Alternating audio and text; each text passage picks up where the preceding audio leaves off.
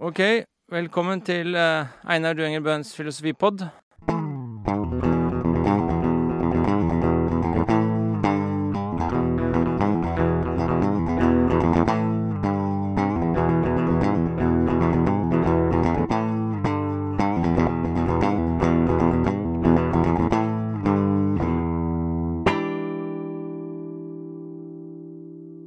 I dag er jeg med Espen Ottesen, filosof, teolog og Hva er tittelen din? Ja, informasjonsleder i Misjonssambandet er tittelen nå. Eller det har det egentlig vært lenge. Ja. Veldig bra. Men du er eh, teolog? Filosof? Teolog sånn fra gamle dager, og så sørget jo du for at jeg ble filosof. Som eh, veiledet meg til en mastergrad på Universitetet i Oslo før du dro hit til Agder. Ja. Stemmer. Nå skrev du om sh- hiddenness argument. The hiddenness eh, argument, det var veldig, veldig ok. Og jeg har jo liksom eh, oppholdt meg veldig mye i den kristne settingen, så jeg syns det var veldig inspirerende faktisk for da ti år siden å begynne å studere filosofi og henge på Universitetet i Oslo og, treffe sånne folk som deg, da. Men du er jo mye i media også. Jeg er jo egentlig det. Litt sånn konservativ og, og kontroversiell. Ja, mange vil si det. Så det Vi må jo kalle en spade for en spade her. Er stadig, stadig er det journalister da, som mener at uh, skal de ha liksom en sånn litt uh, tradisjonell kristen stemme, så tror jeg de da har det med å ringe meg. Mm. Det jeg liker med deg, da, det er ikke alltid det du sier jeg er så enig men det er liksom at du er veldig rasjonell. Jo, veldig fornuftig og rasjonell. Det er sånn konsekvent og det er godt argumentert og gitt dine premisser. Ja, og jeg tenker det er jo nøkkel. At eh, jeg innser at det er mange som ikke er enig med premissen min og argumentene mine og ståstedet mitt og sånn, men når jeg da møter opp i NRK eller Aftenposten eller noe sånt, så må jeg jo snakke til mennesker som ikke deler dette, men jeg prøver å forklare hvorfor jeg i hvert fall tenker at det henger sånn noenlunde på greip, da. Ja. Det jeg mener. Du står for noe, liksom. Ja. Det er bra, det. Det er viktig å stå for noe. Enig. Ja. Enig. Det skal vi se Augustin også gjøre etter hvert. Augustin står absolutt for noe. I dag skal vi snakke om Augustins bok 'Bekjennelser'. Ja. Det er en ultraklassiker. Veldig. Den er eh, 1600 og noen og 20 år gammel. Ja. Eh, Men den er jo ganske levende, da. Jeg, jeg må bare innrømme det. Jeg er også utdanna teolog. Ja. Eh, Over seks år med teologistudier. Aldri lest boka. Nei. Jeg har lest bruddstykker. Det er ganske interessant? Det er jo liksom kirkefaderen, kalles han ofte. Jo. Og denne boka, du ser jo, jeg har en bok her altså, som kom ut i 1950. Jeg tror jeg kjøpte den som student, teologistudent. Mm. Og jeg har begynt å lese den mange ganger. Ja. Og tenkt liksom når det har vært en eller annen ferie, eller jeg liksom ikke skal lese pensum eller lese når jeg må, så har jeg begynt på den. Men jeg må jo bare si at uh, den er ganske Den er litt seig i starten.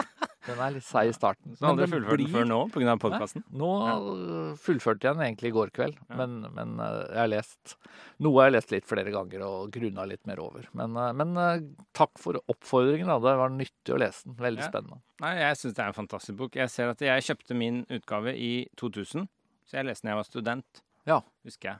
Jeg var bachelorstudent på Blindern, psykologi og filosofi, så leste jeg en bok her.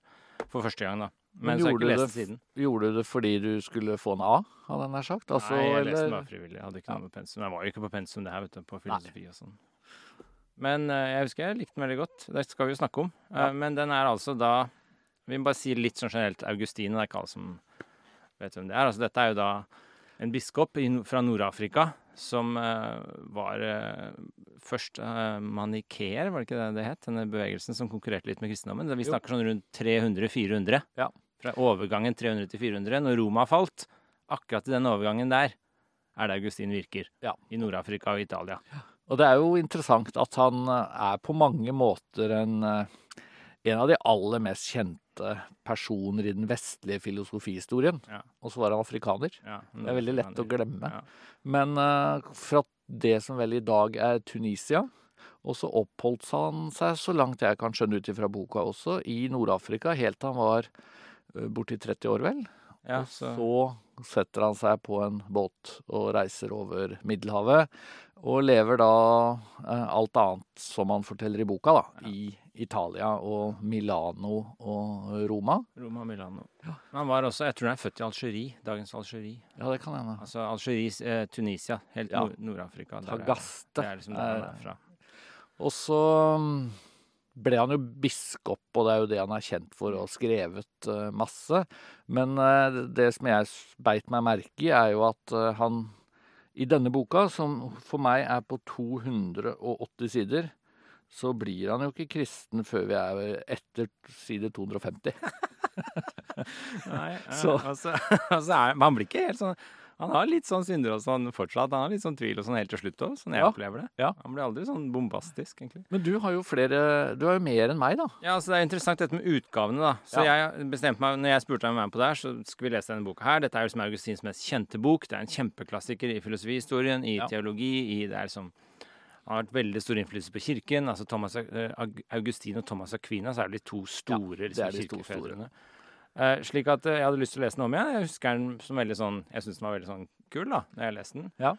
Uh, men det er jo komplisert, fordi du har en utgave fra 50-tallet. 1950. Det er ni bøker. Altså det er, ni, ni kapitler. Ja. Bok 1 til 9. Og jeg har en fra senere. Den er fra 1996, og den har ti kapitler. Bok 1 til 10. Ja. Og så har jeg en engelsk en, 'Confessions' fra Oxford World's Classics. Den har 13 kapitler. Ja. Så det er egentlig 13 bøker i denne boka her. 13 kapitler. Det men kalles kan- bøker, da. Men kan man si, for det er litt av Nå, nå har ikke jeg lest da, eh, de siste kapitlene eller bøkene i boka, men jeg får kanskje en litt sånn følelse av at han blir mindre og mindre selvbiografisk og mer og mer filosofisk Ja. mot slutten, og at det er derfor noen har valgt å ta bort de siste kapitlene, fordi man tenker at eh, utgir man bok som heter Augustins bekjennelser, så er det på en måte hans reise eh, til tro og refleksjoner rundt det som skal være i fokus mer Jeg tror det enn stemmer. Ja. Altså, kapittel 1 til 9 er jo selvbiografiske Ja, bekjennelser. Ja. Og tieren er mer en slags refleksjon over det han har gjort, og seg selv. Ja.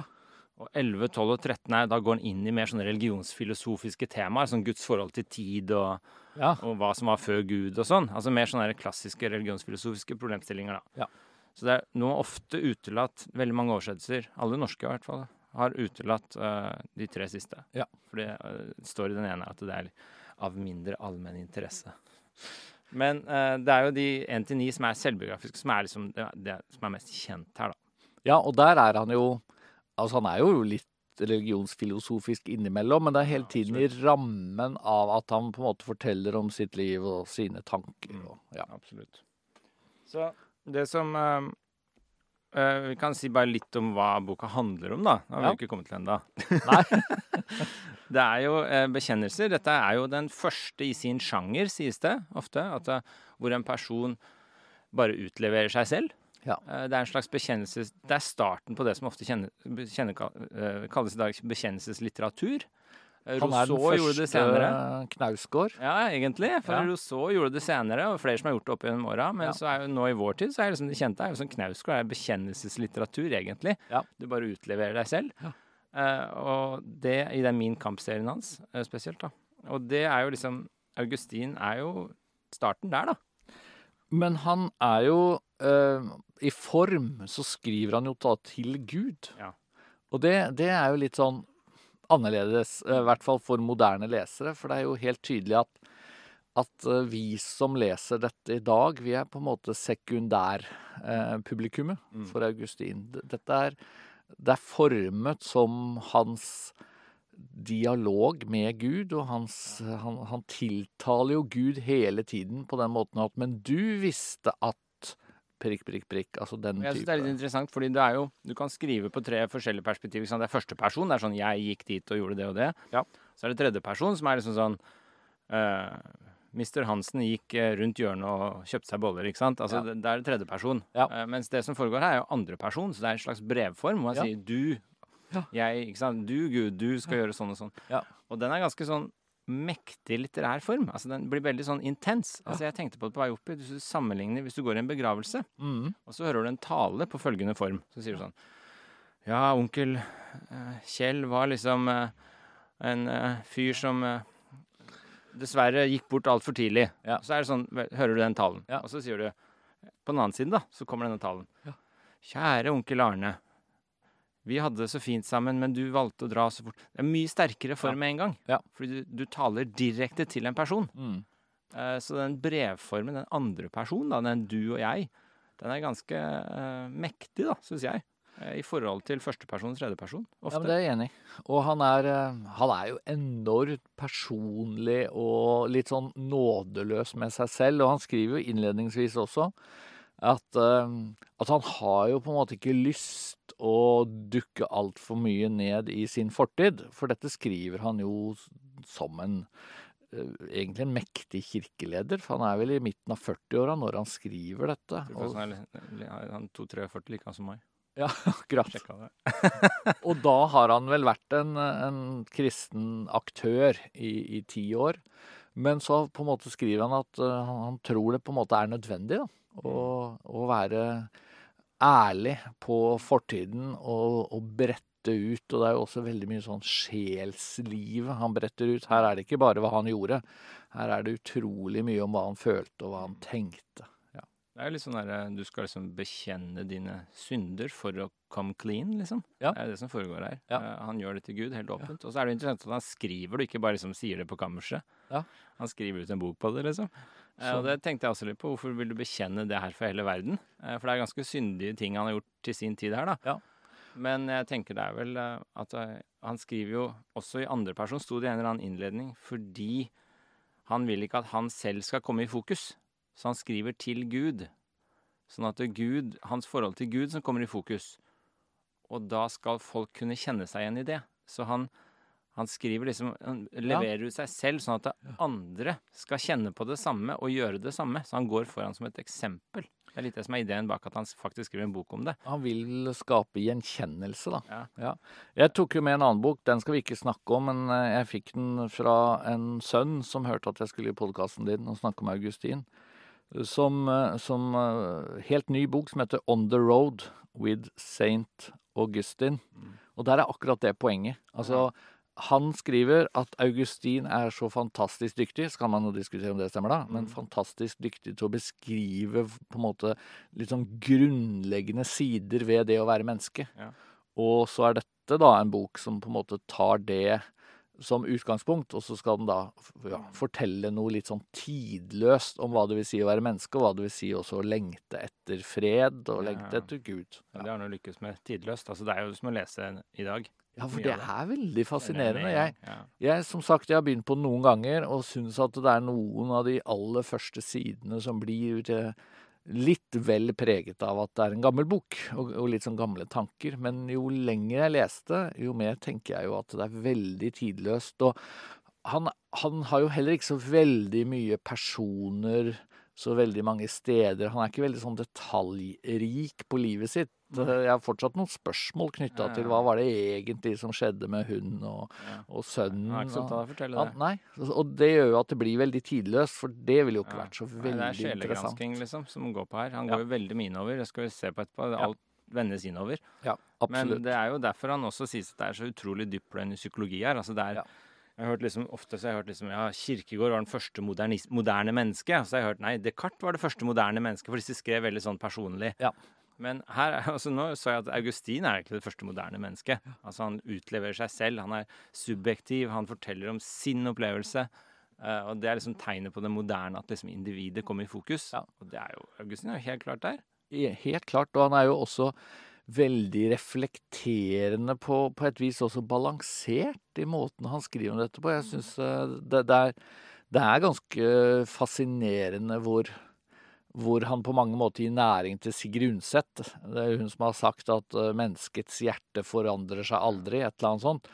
Og hvis man leser Augustin, så tenker man det må være noe sant i det, for du verden, og, og mye som tross alt er likt, da. Ja, ja. Hans uh, fortelling eh, som er 1600 år gammel. Ja, nå skal vi ikke snakke om Knausgård i dag, men jeg husker han sa en gang i forbindelse med Min kamp, når han utleverte sitt liv, Ja. så sa han at uh, han ble så overraska fordi han trodde at jo mer ærlig han var, jo mindre ville folk kjenne seg igjen. Mm. Mens når han utleverte Så ga han bare helt faen, ikke sant? Utleverte alt. Og da kjente alle seg igjen. Så han ble, han ble overraska over at det var omvendt. Altså Jo mer ærlig han var, jo mer han åpna opp, jo mer kjente folk seg igjen. Ja. Så jo lenger inn du graver, jo likere er vi. Det er et fascinerende postulat, og Augustin støtter jo det. Ja, det er, da ser du liksom Her er det en fyr Ja. fra år fi- 398 ble den her skrevet, Ja. tror du om. 398-399. Ja. Ikke sant? Det er ganske lenge siden. Det er veldig lenge siden. Og så bare hadde jeg snakka med han i dag, liksom, møtt ham på kaffebrenner i dag, så liksom, hadde vi vært helt enige, liksom. det er ganske fascinerende. Ja, ja men det er det. Og det, det er jo derfor den ha, står som en klassiker òg. Ja. Ja, og, og Men vi har kanskje ennå ikke sagt hva boka egentlig handler om. Altså, den, det er en bekjennelse, som sagt. Ja. Dit har vi kommet. Men det han gjør gjennom da ni-ti kapitler, er jo å utlevere sin vei inn i å bli troende. Ikke bare troende, for han var vel troende, men uh, i å bli kristen. Ja. Og vi må huske på at nå er vi på Vi er i år 400 ca. Ja. Roma faller, det er mye store overganger. Kristendommen er i ferd med å spre seg. Ja. Eh, og, og han leser jo Bibelen. Bibelen ble vel samla sånn 300, var det det? Eller når cirka? Ja, men det er helt tydelig at Bibelen Altså, han forholder seg ikke til en samlet bibel. Nei. Det syns jeg er veldig interessant, for det er en episode som jeg beit meg veldig merke i, hvor det kommer en person på besøk til han, og så ser denne personen eh, at det ligger en bok eh, på bordet da, til Augustin, og så tar han opp den boka, og så er det Paulus sine brev. Ja. Det er på en måte ikke Bibelen slik vi kjenner den, men da er det tydeligvis en del av Bibelen, da. Og det er ikke sikkert det var alle de brevene etter Paulus som, som står i Bibelen i dag. Men, så det, det var jo en sånn tid hvor kristendommen begynte å sette seg, kan man kanskje si. Ja, nei, jeg la merke til jeg også, at det var Han snakker om Bibelen og sånn, også, men jeg, tenkte, jeg begynte å tenke på når den ble samla. Altså, den ble vel ikke samla Jeg trodde den ble samla først sånn som vi har den i dag, rundt etter 400. jeg, Så det er sikkert noe tidlige samlinger han leser, da. Altså Dan Brown er jo veldig opptatt av at det var dette kirkemøtet i Nikea i 323. Og det, det har han jo rett i på den måten at da kom det litt mer sånn offisielle vedtak. Mm. Men eh, så, så jeg tror, eh, og når jeg som teolog leser Augustin og ser alle bibelvers han henviser til, for det gjøres det jo løpende i denne teksten, så er det jo variert. Altså det er fra Salmenes bok, og det er fra Paulus sine brev, og det er ord fra Jesus og, og sånn. Men, men det, det aner meg at den eh, At selve samlingen av Bibelen på den måten at du kunne kjøpe et komplett Det nye testamentet eller komplett det gamle, eller begge deler, at det kanskje ikke var helt, helt på plass. Nei, Rent nei. sånn praktisk. Ja. Ja, Det er interessant. Altså, det står i en av introduksjonene i bøkene her også at eh, han forholdt seg til Eller at eh, sidetallene ikke er helt de samme, da, for å si det sånn. Men han hadde jo en broket vei, da, og en veldig komplisert vei til tro, for han blir kristen Ja, han har passert å- 30 Mm. når han blir kristen. Uh, og så er jo boka fortell Han prøver jo å beskrive sitt liv uh, fra han var en baby. Og han, eh, han gjengir jo litt av hva hans foreldre fortalte om hvordan han var som toåring, eller noe sånt, siden han ikke husker det. Så, så det er jo en ganske hva skal vi si eh, lang fortelling, da. Det er en slags selvbiografi, men Ja. med målet liksom å fortelle hvordan han ble kristen. Ja. Men altså, han var jo Han sier ikke at han ikke var troende fra barnsben av. Han sier bare at han søkte utenfor, uten, i andre Ja. ting. Han søkte feil sted. Han fant aldri det han skulle finne. For, for han var han var ikke ateist, liksom. Nei, og det er jo et interessant spørsmål. Også fantes det ateister, eh, egentlig, på, på denne tida? I, I den betydning som vi tenker i dag. Altså at, de, at man er materialist, da. Tenker at det er ikke noe mer i vår verden enn eh, det man finner i stjernekikkerter og mikroskop og den slags. Det er noen grekere som mente det, men Det var, ja, grekerne har alltid ment alt. Altså, er det et eller annet du lurer på, så er det en eller annen greker før Sokrates som mente det. Men, men eh, han, han er jo Jeg tror det er et sted at han egentlig signaliserer at han kunne jo vært ateist. Og, og på en måte ikke forholdt seg til noen guder eller noe guddommelig, men, men det Ja, var for han var vel først manikeer. Altså, det er, jeg, min kunnskap om det er liksom to Google-søk. Ja. Eh, og det er jo da en religion som konkurrerte med kristendommen på den tiden, som var veldig dualistisk. Det var liksom svart-hvitt, ondt, godt. Ja. Og så var det kampene mellom de. ja, Og det var en slags Og den spredde seg langt inn i Asia, og i dag fins det ett manikeer etter mani, da, denne mannen. Det fins ett tempel i Kina den dag i dag som er dedikert til mani. Ja. Nei, jeg har også nøyd meg med litt uh, Google og ikke så mye mer. Men det var Mani som, uh, som grunnla den. Og uh, Augustin vokste jo opp, det må vi jo si. Altså moren hans var en meget dedikert kristen dame. Så han hadde jo tydeligvis vokst opp i kirken på et eller annet vis. Men han ble ikke døpt.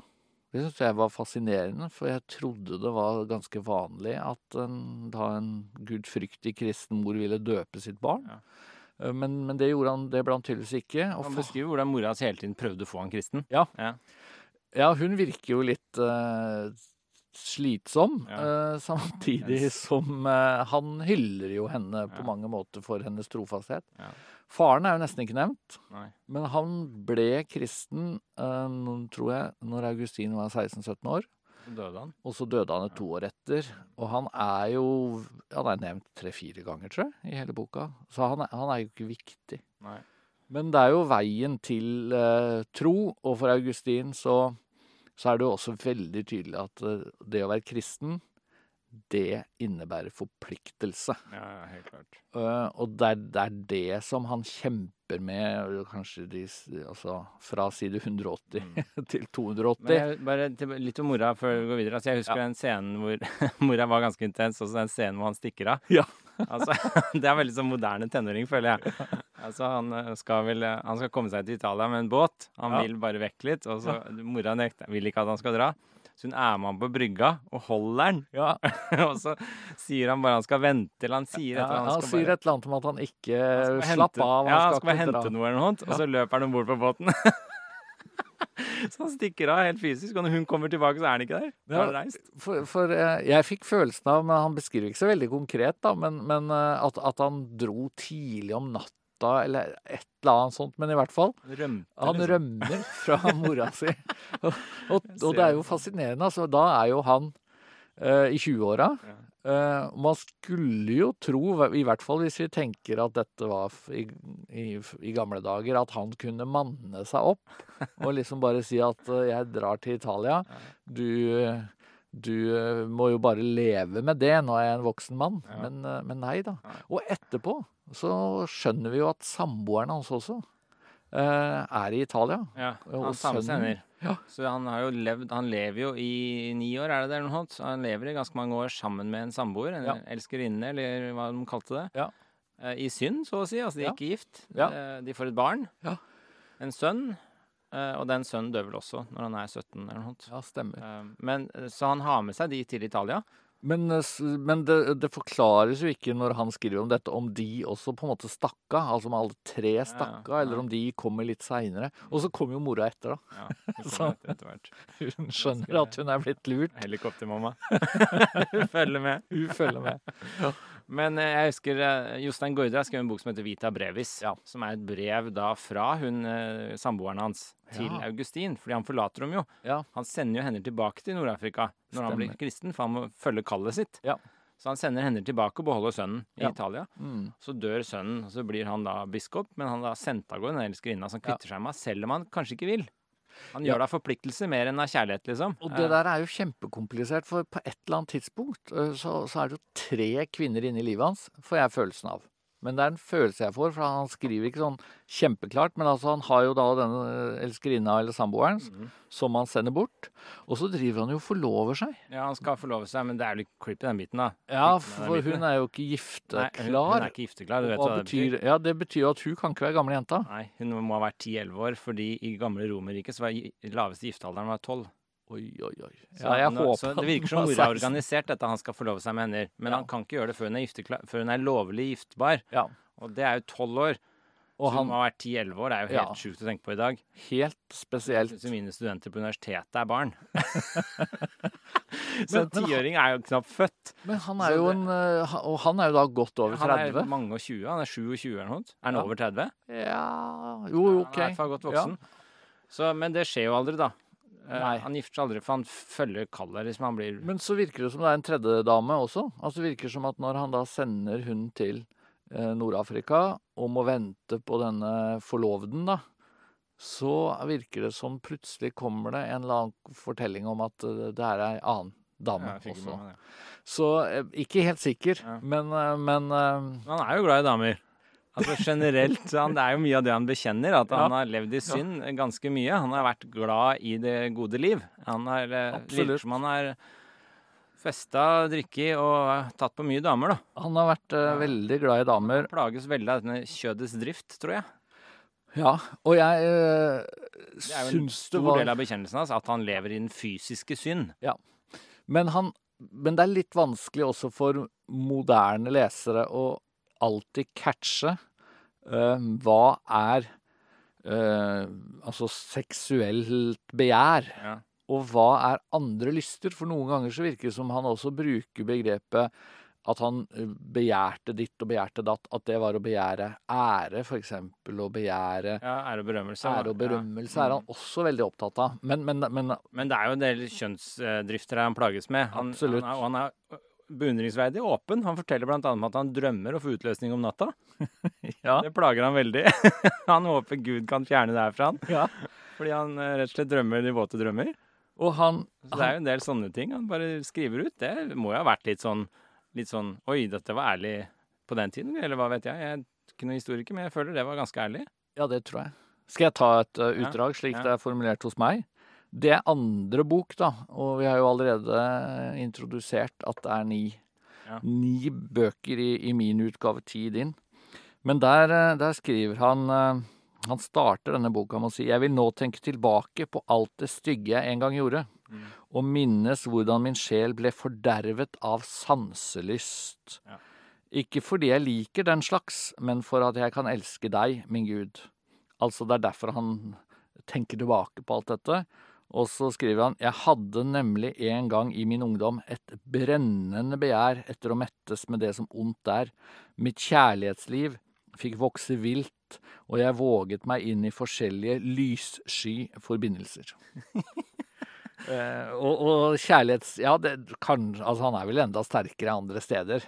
Men uh, mitt kjærlighetsliv fikk vokse vilt. Ja. Det, det, det må jo ha vært ganske mange andre damer uh, inni dette Ja, enn uh, man får litt det generelle inntrykket at det var mye festing og moro her. Ja, Absolutt. Men det er, øh, ja, jeg synes det er, det er kanskje han, han er veldig på det der øh, at han plages av det fysiske. Han er ganske sånn dualistisk, og dette har nok fra de mannekenene han henger litt igjen, dette med at øh, kropp og sjel er veldig forskjellige for han. Ja. Eh, og de fysiske ytre driftene, Ja. det er liksom ondskapen. Ja. Mens de indre åndelige driftene, det er det gode. Eh, så, så det er liksom det at han har hele tiden søkt utover og fulgt lystne, det plager han veldig. Og Han- når han da vender seg mot kristendom, så vender han seg innover. Ja. Og det er litt sånn modernistisk trekk, at vi vender oss innover i subjektet og ser på hvert enkelt individ og sånn. Og dette er hvorfor jeg tenkte han var liksom første moderne menneske, for han går virkelig innover. Men, men der finnes det jo på en måte to modeller, da. Blant de som er veldig opptatt av å se innover og tenke at det viktigste er åndelig og den slags. Den ene er den asketiske. Og det er jo ingen tvil om at det er der Augustin er. Altså, for å kunne søke innover og for å kunne møte Gud, um, så er det veldig viktig å på en måte legge bort det, og, og holde i tømme dette begjæret etter uh, kjærlighet, menneskelig, seksuelt, uh, etter ære og berømmelse og sånn. Men så har du jo også de uh, som tenkte at eh, siden det åndelige er det som er viktig, så betyr det fysiske ingenting. Så om jeg på en måte ligger rundt og oppfører meg eh, akkurat som jeg vil, kroppslig, om jeg elsker mat og, og alt det, det spiller ingen rolle, for det er jo egentlig ikke viktig. Nei. Men han går åpenbart i den asketiske retningen. Da. Men han er ikke Ja, men altså, jeg tenker han er Jeg fikk litt sånne innflytelser fra Aristoteles-følelse også, hvor du skal liksom du, du er jo tross alt litt avhengig av kroppen, så du skal ha en slags harmoni. Du skal ikke neglisjere alt. Du Nei. skal liksom Du skal ha kontroll. Mm. Det er vel noe av det som er det viktigste. Du skal, liksom, du skal temme ditt begjær. Du skal ikke bare la det løpe fritt. Ja, Eh, så, så det er jo på en måte en slags Han ser på det som litt sånn høyverdig å ha selvkontroll, og det er det han plages med at han ikke har. Og, og der er det jo også, når det gjelder seksualiteten da, og begjæret som han skriver om på den måten, så er det vel også tre nivåer. Altså Det beste er helt tydelig for Augustin å, å leve i sølibat. Og ikke måtte forholde seg til sin egen seksualitet og alt det den skaper av trøbbel. Eh, Men så er jo nivå to, det er jo å gå inn i et stabilt ekteskap. Det, det syns han jo høres fornuftig ut, og han, det er jo et sted han syns er veldig rart at foreldrene hans ikke prøver å få han inn i ekteskapet. Ja. Eh, Istedenfor å, å For det virker som de er mest opptatt, på hvert fall når han er ung, av at han skal få god utdannelse. Og så får dette kjærlighetslivet hans eh, være som det er. Eh, For, for det er jo også et spørsmål jeg stiller når jeg leser. Hvorfor gifta han seg ikke med denne samboeren som han fikk barn med? eh, Når de holder sammen så lenge? Ja, det er sant, det. Hvorfor sender han av gårde? Men det virker som han er Han har en tanke om at på et eller annet vis så skal jeg klare å komme meg inn i sølibatet. Ja, Men hun var vel ikke av veldig høy rang heller, var hun det? Så det var Nei. noe med det at eh, mora hadde funnet en forlover som var forlover, Det stemmer nok. En, en han skulle forlove seg med som var av høyere rang. Ja. Så hun var vel eh, ganske lavt på stigen, hun samboeren. Og så syns jeg jo at eh, Jeg vet ikke, la du merke til hvordan han beskrev det å få barn med henne?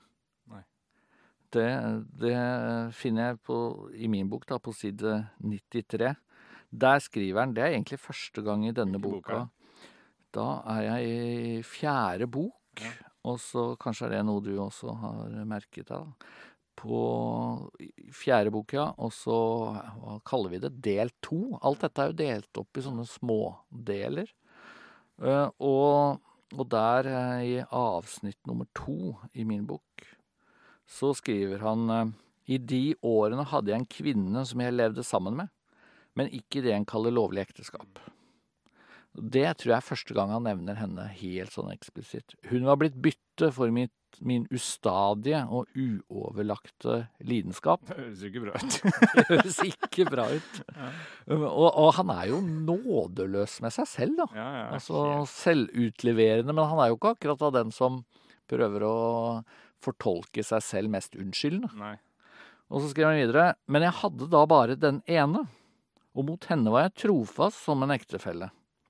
I samlivet med henne skulle jeg som menn få lære ved egen erfaring hva det er for en forskjell på et ekteskap som er stiftet med tanke på å få barn, og en kjærlighetsforbindelse som bare skal tilfredsstille ens egen lyst, slik at de barna som fødes ikke er etter ønske, selv om en er nødt til å elske dem når de først er kommet. Ja, fantastisk. Det er ganske Ja, Jeg husker den biten her, jeg også, når han skilte mellom ekteskapet Ja. og kjærligheten. Men er det da er det kjærlighet til henne da han mener, da?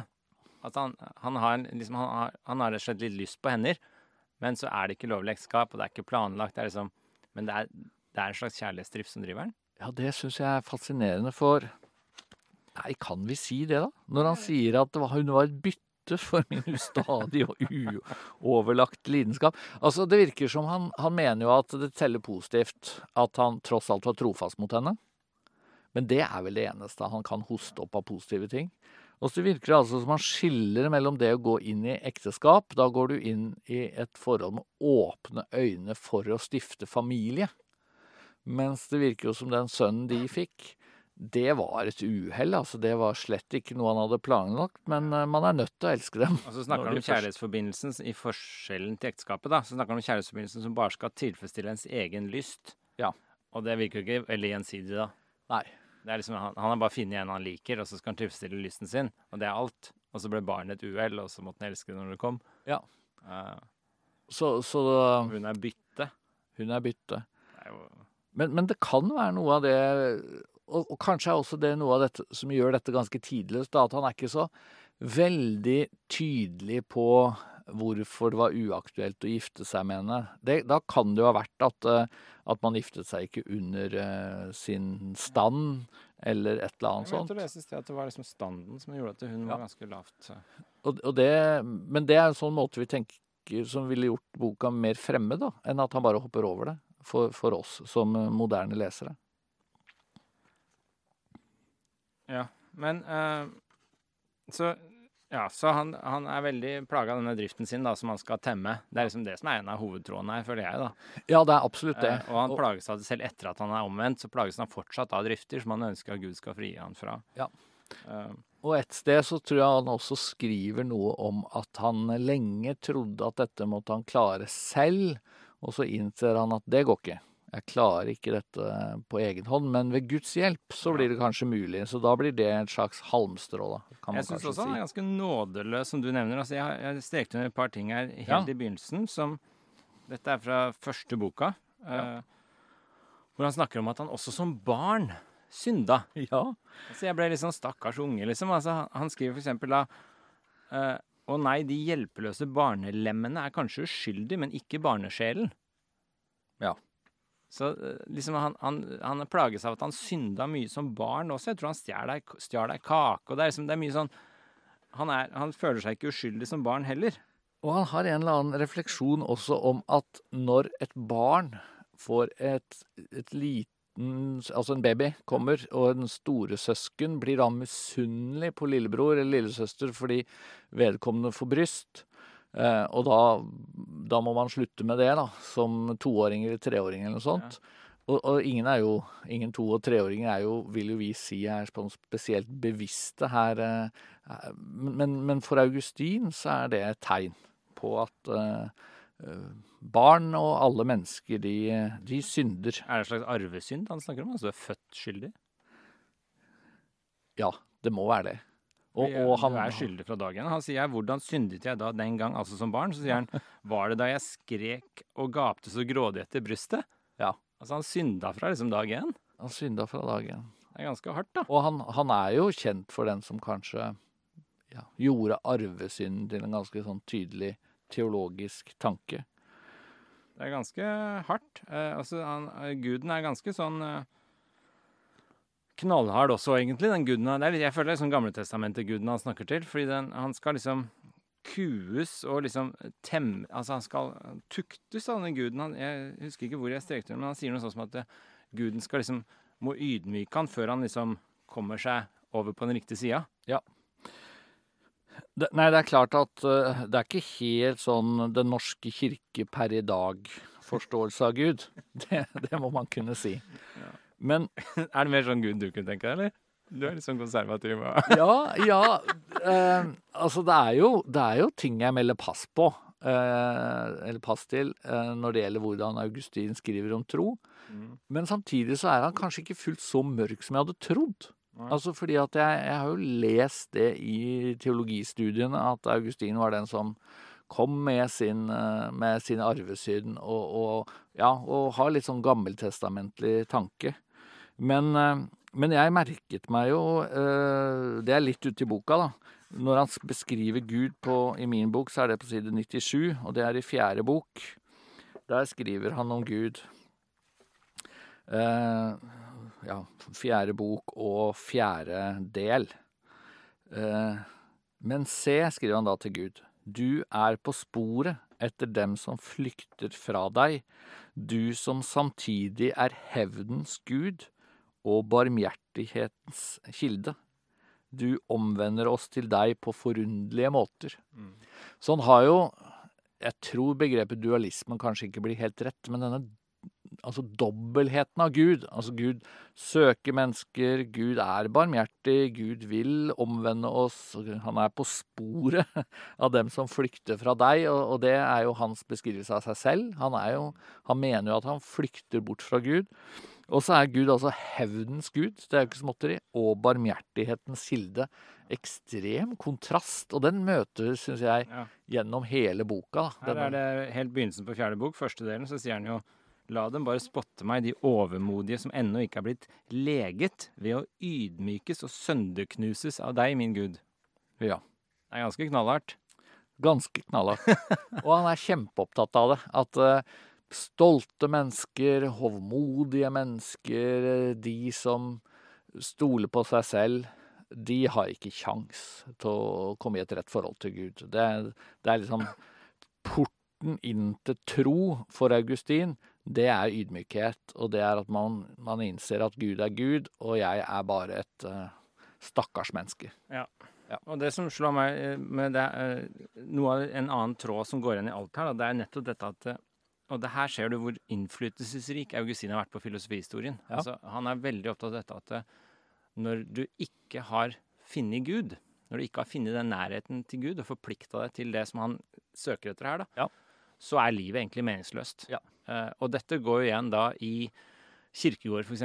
Altså, Kirkegård sier jo også at eh, meningsløsheten, denne sykdommen til døden, denne fortvilelsen over eksistensen, den oppstår når du fjerner deg fra Gud. Ja. Den kan bare finnes igjen når du finner din Gud.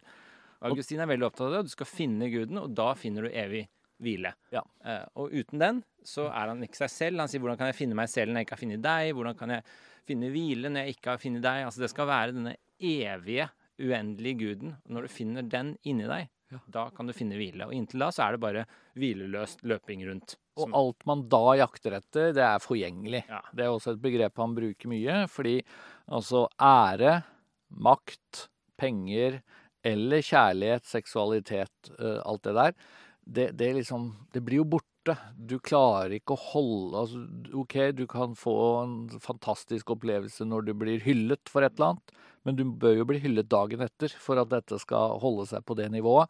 Alt sånt liksom bare vil visne hen, sier Augustin. Så du, du må ha liksom noe evig. Ja, og Det er derfor han også ikke har så veldig tiltro til sin fysiske lysten og sånn. Altså, Ja. det å gå ut og feste, så er festen over, så er det dagen derpå, liksom. Ja. da må du begynne på nytt.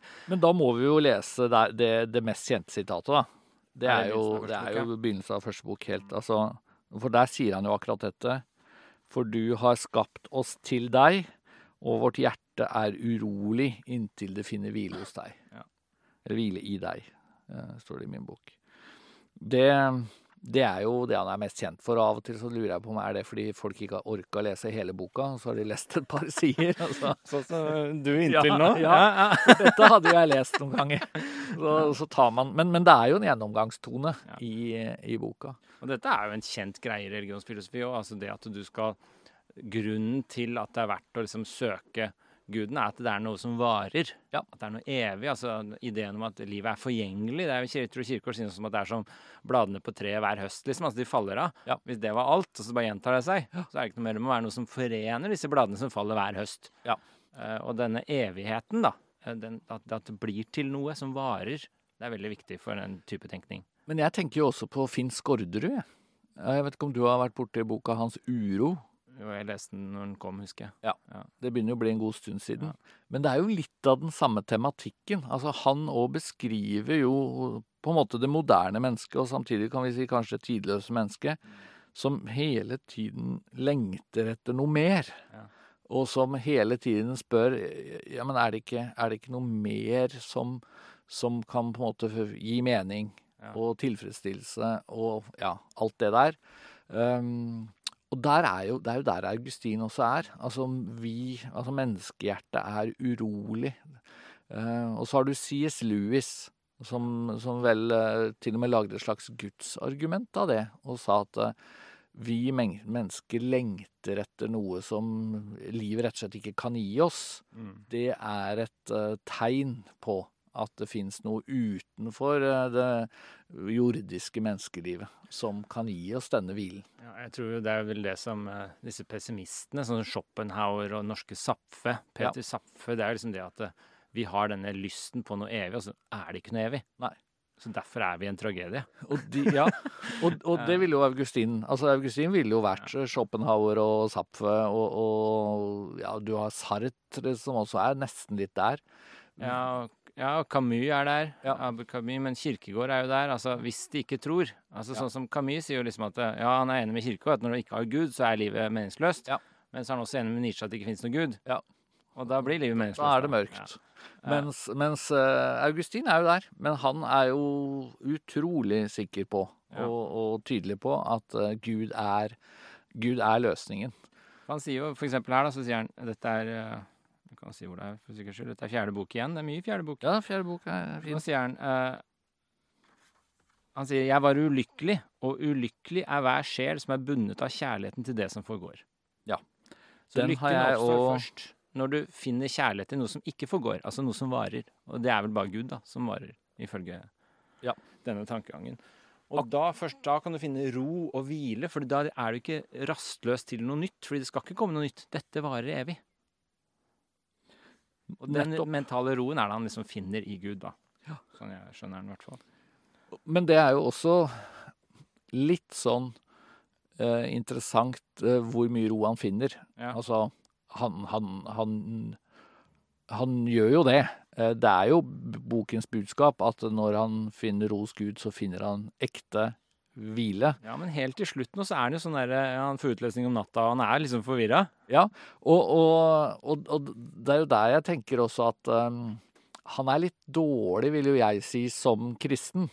Så ville jo jeg sagt til Augustin, hvis jeg skulle gitt ham noen gode råd, at du, du, er, du blir for Du er fortsatt for manikeisk, da. Du er Ja. for svart-hvitt. Ja. Altså, den eneste hvilen du aksepterer, det er liksom på en måte den fullkomne hvile. Mens jeg vil jo si at beklager, Augustin. Altså, du, du, eh, du er et menneske til du dør. eh, Og det å være et menneske vil jeg si som teolog, da, på syndens jord. Det betyr at det er pla du opplever plagsomme ting. Og de plagsomme tingene kan jo være alt fra at du blir forelska i ei dame du helst skulle ønske at du slapp å være forelsket i, for det skaper så mye trøbbel. Men det kan også være at du blir gammel og syk og skral og sliter med helsa. Og, ikke sant? Er, sånn er det å være menneske. Men han er litt sånn Han har veldig tro på at eh, hvis livet bare kretser om Gud, så blir det også et eh, fantastisk eh, godt liv, da. Ja, For han er jo i total fornektelse av den fysiske verden. Altså, Det er jo mye bra i den fysiske verden òg, Ja. eh, og det vil han ikke ha noe med å gjøre, egentlig. Han søker seg helt vekk fra det. Han er Ja. veldig, som du sier, dualistisk. Han er jo på mange måter erkefienden til Nietzsche, for eksempel. Altså, Nietzsche sier liksom at dette er jo hele problemet med kristendommen. Det er at den hemmer livet. Ja. Altså, den holder det nede, den tøyler det, den skal temme det. Ja. Mens det, livet skal liksom bare blomstre opp, ifølge Nietzsche. ikke sant? Eh, og den fysiske verden skal bare liksom gå i gang med driftene sine. Og det er det kristendommen fornekter. Ja. Og Augustin er jo kremeksempelet. Ja, og Augustin går jo Der går han jo lenger enn jeg håper å si meg, og, Ja. og lenger enn de aller, aller fleste. Fordi han, han istedenfor å si, som jeg tror jeg vil si, at det er veldig mye bra i den fysiske verden, eh, det er mye bra i menneskelig kjærlighet, det er mye bra i det å ha venner og familie, og, og for den saks skyld, vi må snakke om underholdning òg, Ja. for det er jo han er ekstremt negativt underholdning. Men altså, jeg vil jo si det er veldig mye positivt i dette, men det kan misbrukes. Mens Augustin sier jo egentlig at alt er et misbruk hvis ikke, hvis ikke du har blikket festa på Gud da, kontinuerlig. Ja, så han er jo, så Aristoteles ville jo sagt liksom at det er mellomtingen, altså den gylne middelvei, som er det greia. Vi kan ikke fornekte Ja. den fysiske verden, men vi kan ikke liksom la den gå uhemma heller. Nei. Eh, og vi skal ha den selvkontrollen, og der er du litt. Der er jeg litt, og der er jo Thomas Aquinas, som jo er påvirka av Aristoteles i mye større grad, mens, eh, mens eh, Augustin er jo veldig tydelig på at det er Platon. Og platonisme som blir Altså, Vi kan jo si det sånn filosofihistorisk at han tar avstand fra Mani og manikeerne. Det, er, det har han bare forakt til overs for. Men så blir Platon og platonikernes skrifter de blir en slags erstatning for manikeerne og en vei til den kristne Gud. Han er jo, Det sies at han er veldig påvirka av Plotin, da, som var liksom den siste platonikeren Ja. eh, fra det gammelte av over i mer moderne historie. Så han leste Plotin, visstnok. Uh, men ja, så det, er masse som går inn av denne evigheten han er veldig opptatt av, da. Men han har noen, eh, hvis jeg skal forsvare Augustin bitte litt, og si at eh, han, han er ikke bare der at alt fysisk er forferdelig, så har du jo også i fjerde bok, da, som vi jo holder oss i nå, da er vi i, altså i del tolv, så skriver han om det gode som dere elsker er fra ham, men bare i sammenheng med ham er det godt og behagelig. Eh, Så der virker det som om han har en tanke om at eh, Hva skal vi si Det som er godt i livet, kan være godt hvis man bare husker at det kommer fra Gud. Så du kan drikke masse rødvin bare du gjør det i, i, kirka, liksom. Ja, og, og, og grunnen til at jeg tror at det er noe fysisk der, er at han fortsetter med å da snakke om at uh, Jesus ble jo forenet med menneskenaturen, vårt forgjengelige kjød, for, for, for at det ikke alltid skulle vedbli å være forgjengelig. Men, uh, men det er jo Han må jo mene noe positivt om det fysiske siden Jesus ble menneske. Det, der, der Kanskje kan man si at det bare blir ble menneskeliggjort for å vise oss våre synder, da. Gikk foran som et dårlig eksempel. Men det er jo masse sånn altså, Nå har vi snakka veldig mye om sånn eh, det kristne aspektet ved det. Det er jo masse han sier som er sånn som kan liksom Gode refleksjoner, da, føler jeg, da, som går helt uavhengig av de kristne. Sånn som han sier om vennskap, eksempel. Ja, ja. Så er han veldig aristotelisk. Da sier han at det er som han opplevde en, et vennskap. Da opplevde han som om de var én sjel i to kropper. Og det er jo Aristoteles definisjon på vennskap. Ja. Eh, at du liksom er virkelig forent med en mentalt. Så igjen ser du liksom at han har veldig fokus på det mentale fremfor det fysiske. Men samtidig så er liksom Det er jo veldig sånn Det kan man forholde seg til som en god idé, helt uavhengig av det kristne er, det. For jeg, jeg vil ikke vi skal underdrive hvor relevant det her er, liksom sånn Helt uavhengig av om man tror eller ikke.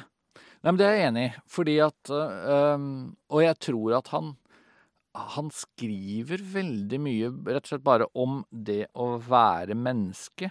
Eh, om hva som da gir lykke, fred Ja, det er veldig sånn dyp psykologi her. Sånn som her, dette er, eh, som jeg beit meg merke til, da, dette er på slutten av eh, Skal vi se, det er på slutten av fjerde bok. Så sier han eksempel eh, Dette er i del 14. Så sier han eh, Slik går det til at en blir glad i den som får rosende omtale. Ja. Bare en får inntrykk av at den som roser ham, taler av et oppriktig hjerte. Det vil si at han gjør det av kjærlighet. Så det handler, og dette er en, også en ting som går igjen i boka, dette med å være litt sånn autentisk, å være ekte og ærlig. Altså, han, han utleverer seg jo sjøl helt her. Ja. Og det er jo et, et forsøk på å være autentisk. Han skal være helt ærlig. Ja. Og det setter han også pris på. Sier han sånne ting som jeg syns er veldig sånn klokt. da, Sånn som Ja, du, du blir glad i den som roser deg fordi du føler deg ekte. Ja. Men hvis du, hvis du føler at noen roser deg falskt, så er det noe helt annet. Så det er dette med å være oppriktig også som går igjen i mye her, som jeg likte veldig godt. da. Og, og det han skriver om vennskap generelt, er jo Det er jo veldig tydelig at det betyr veldig mye for han. Ja. Uh, og at han, uh, særlig mot slutten av boka, så dukker det jo opp noen venner som går ved hans side hele tiden. Og et sted skal han jo lage kollektiv med disse. Uh, og det er jo helt tydelig at det er en slags sånn drøm. At tenk at de kan få den, den ene er veldig rik, at disse skal, skal inn i kollektiv. Så det betyr jo også at da trenger de ikke å bekymre seg uh, så mye for penger og, og den slags. Og, og det er jo tydelig at, uh, at det syns han er ja, veldig fint. At da kan man bo sammen, eh, dyrke vennskap, nærhet. Så, så er problemet at noen av disse begynner å gifte seg, da. Ja, Hippiekollektivet kollapser. Ja, da kollapser kollektivet.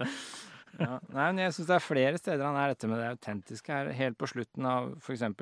femte bok så sier han også Jeg la altså ikke vind på å studere det han sa, men bare på hvordan han talte. Ja. Så han er veldig, og det var gærent, liksom. Han må høre på hva han sier. Innholdet. Han vil ha liksom noe ekte innholdsmessig. Eh, ikke bare liksom gå for eh, det ytre fame and glory-aspektet. Stemmer. Og det er der eh, Du sa slutten av dette sjette bok, ikke sant? Nei, femte. Dette var Femte. del 14, da. Ja. Siste delen av femte bok. For, for i neste boka så er det dette kollektivet. Uh, der skriver han, og det, det er jo også Det er jo noe veldig fin måte å beskrive vennskap på. Det er også 14, faktisk, var derfor jeg havna der, men det var altså i, i sjette bok. Så skriver han eh, Det var flere venner av oss som snakket sammen om hvor urolig og brysomt menneskelivet er, og ønsket oss bort fra det. Vi hadde hatt det i tankene, og nå var vi nesten bestemt på å dra oss tilbake fra larmen og leve i ro. Dette livet hadde vi tenkt å ordne slik. Alt det vi hadde av, en eiendom, av eiendom, skulle vi slå sammen til én husholdning. Det skulle være et sant vennskap, hvor ingen hadde særeie, og det vi alle skjøt sammen til en felles kasse, skulle i sin helhet tilhøre hver enkelt, og alle skulle få eie alt. Det så ut til at vi kunne bli omtrent ti mann i dette samfunnet. Noen iblant oss var meget rike, især Romanianus. Han var fra samme by som meg, og en god venn av meg fra barndommen. Så det er jo litt sånn menneskelig. Jeg kan tenke meg at det er ganske mange folk til og med i vår tid som tenker at liv i en kjernefamilie, pendling til jobb, eh, det er et mas, det er et kjas å få økonomien til å gå rundt. Kanskje skulle man bare kjøpt et eller annet småbruk på landet, flytta sammen med noen venner, og hvis en av de var litt rik, så slapp vi andre å stresse og mase og kave sånn Jeg så så en dokumentar om det nylig, og en nordmann som var gift med en danske. De flytta sånn kollektiv og drømmen om å være selvforsynt. Og, Ja. Ja, Men- nei, nei, så den hippiekollektiv er en gammel drøm, da. Det er jo en gammel, ja, det er jo et slags hippiekollektiv han skriver om. Eh, Det er en annen ting jeg understreker som jeg syns var veldig morsom, da. Dette er eh, eh, del 11 i Skal vi se hvilken bok det er. I del 11 i sjette bok. Ja. Veldig morsom setning. Og akademikere, dere som er så store menn. det likte jeg veldig godt. Men det er eh, Det ligger en liten eh, sarkasme i dette, Einar. Det har jeg lyst til å bare gjøre helt klart. Jeg skjønner ingen eh, klart. sarkasme. Jeg leser ingen ironi ut av det her. Tar det helt alvorlig. Uh, så ja, men han er jo Ja, jeg syns han er eh, litt morsom av og til, da. Der er han jo dyster òg, da. Akkurat der. Det var i 11 du sa, ikke sant? I, i bok eh, Der har han jo også kanskje det dystreste han har å by på, syns jeg, i hele boka. Det er livet er elendig. Det er uvisst når døden kommer. plutselig sniker den seg inn på oss. Og det er derfor det er så viktig å finne det evige, ikke sant? Ja. Å unngå det her.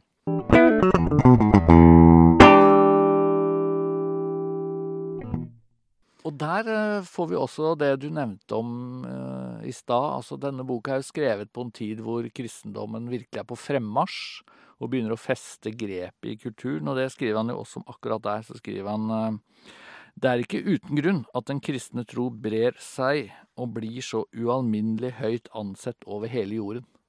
Så han eh, føler, føler nok også det at det å bli en del av kirken, det er å bli en del av det som virkelig har fremtiden foran seg og eh, vokser veldig fram.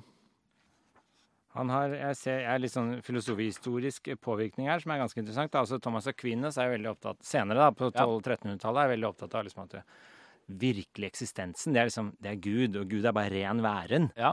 Ja, og, Augustin sier jo, dette er i del 11 av øh, sjuende bok, så sier han jo blant annet, virkelig eksistens har det som er og blir uforanderlig. Ja. Ikke sant? Så det som egentlig eksisterer, det er det som ikke forandrer seg. Og alt det som forandrer seg og er forgjengelig, det, er litt, det har da tydeligvis ikke virkelig eksistens.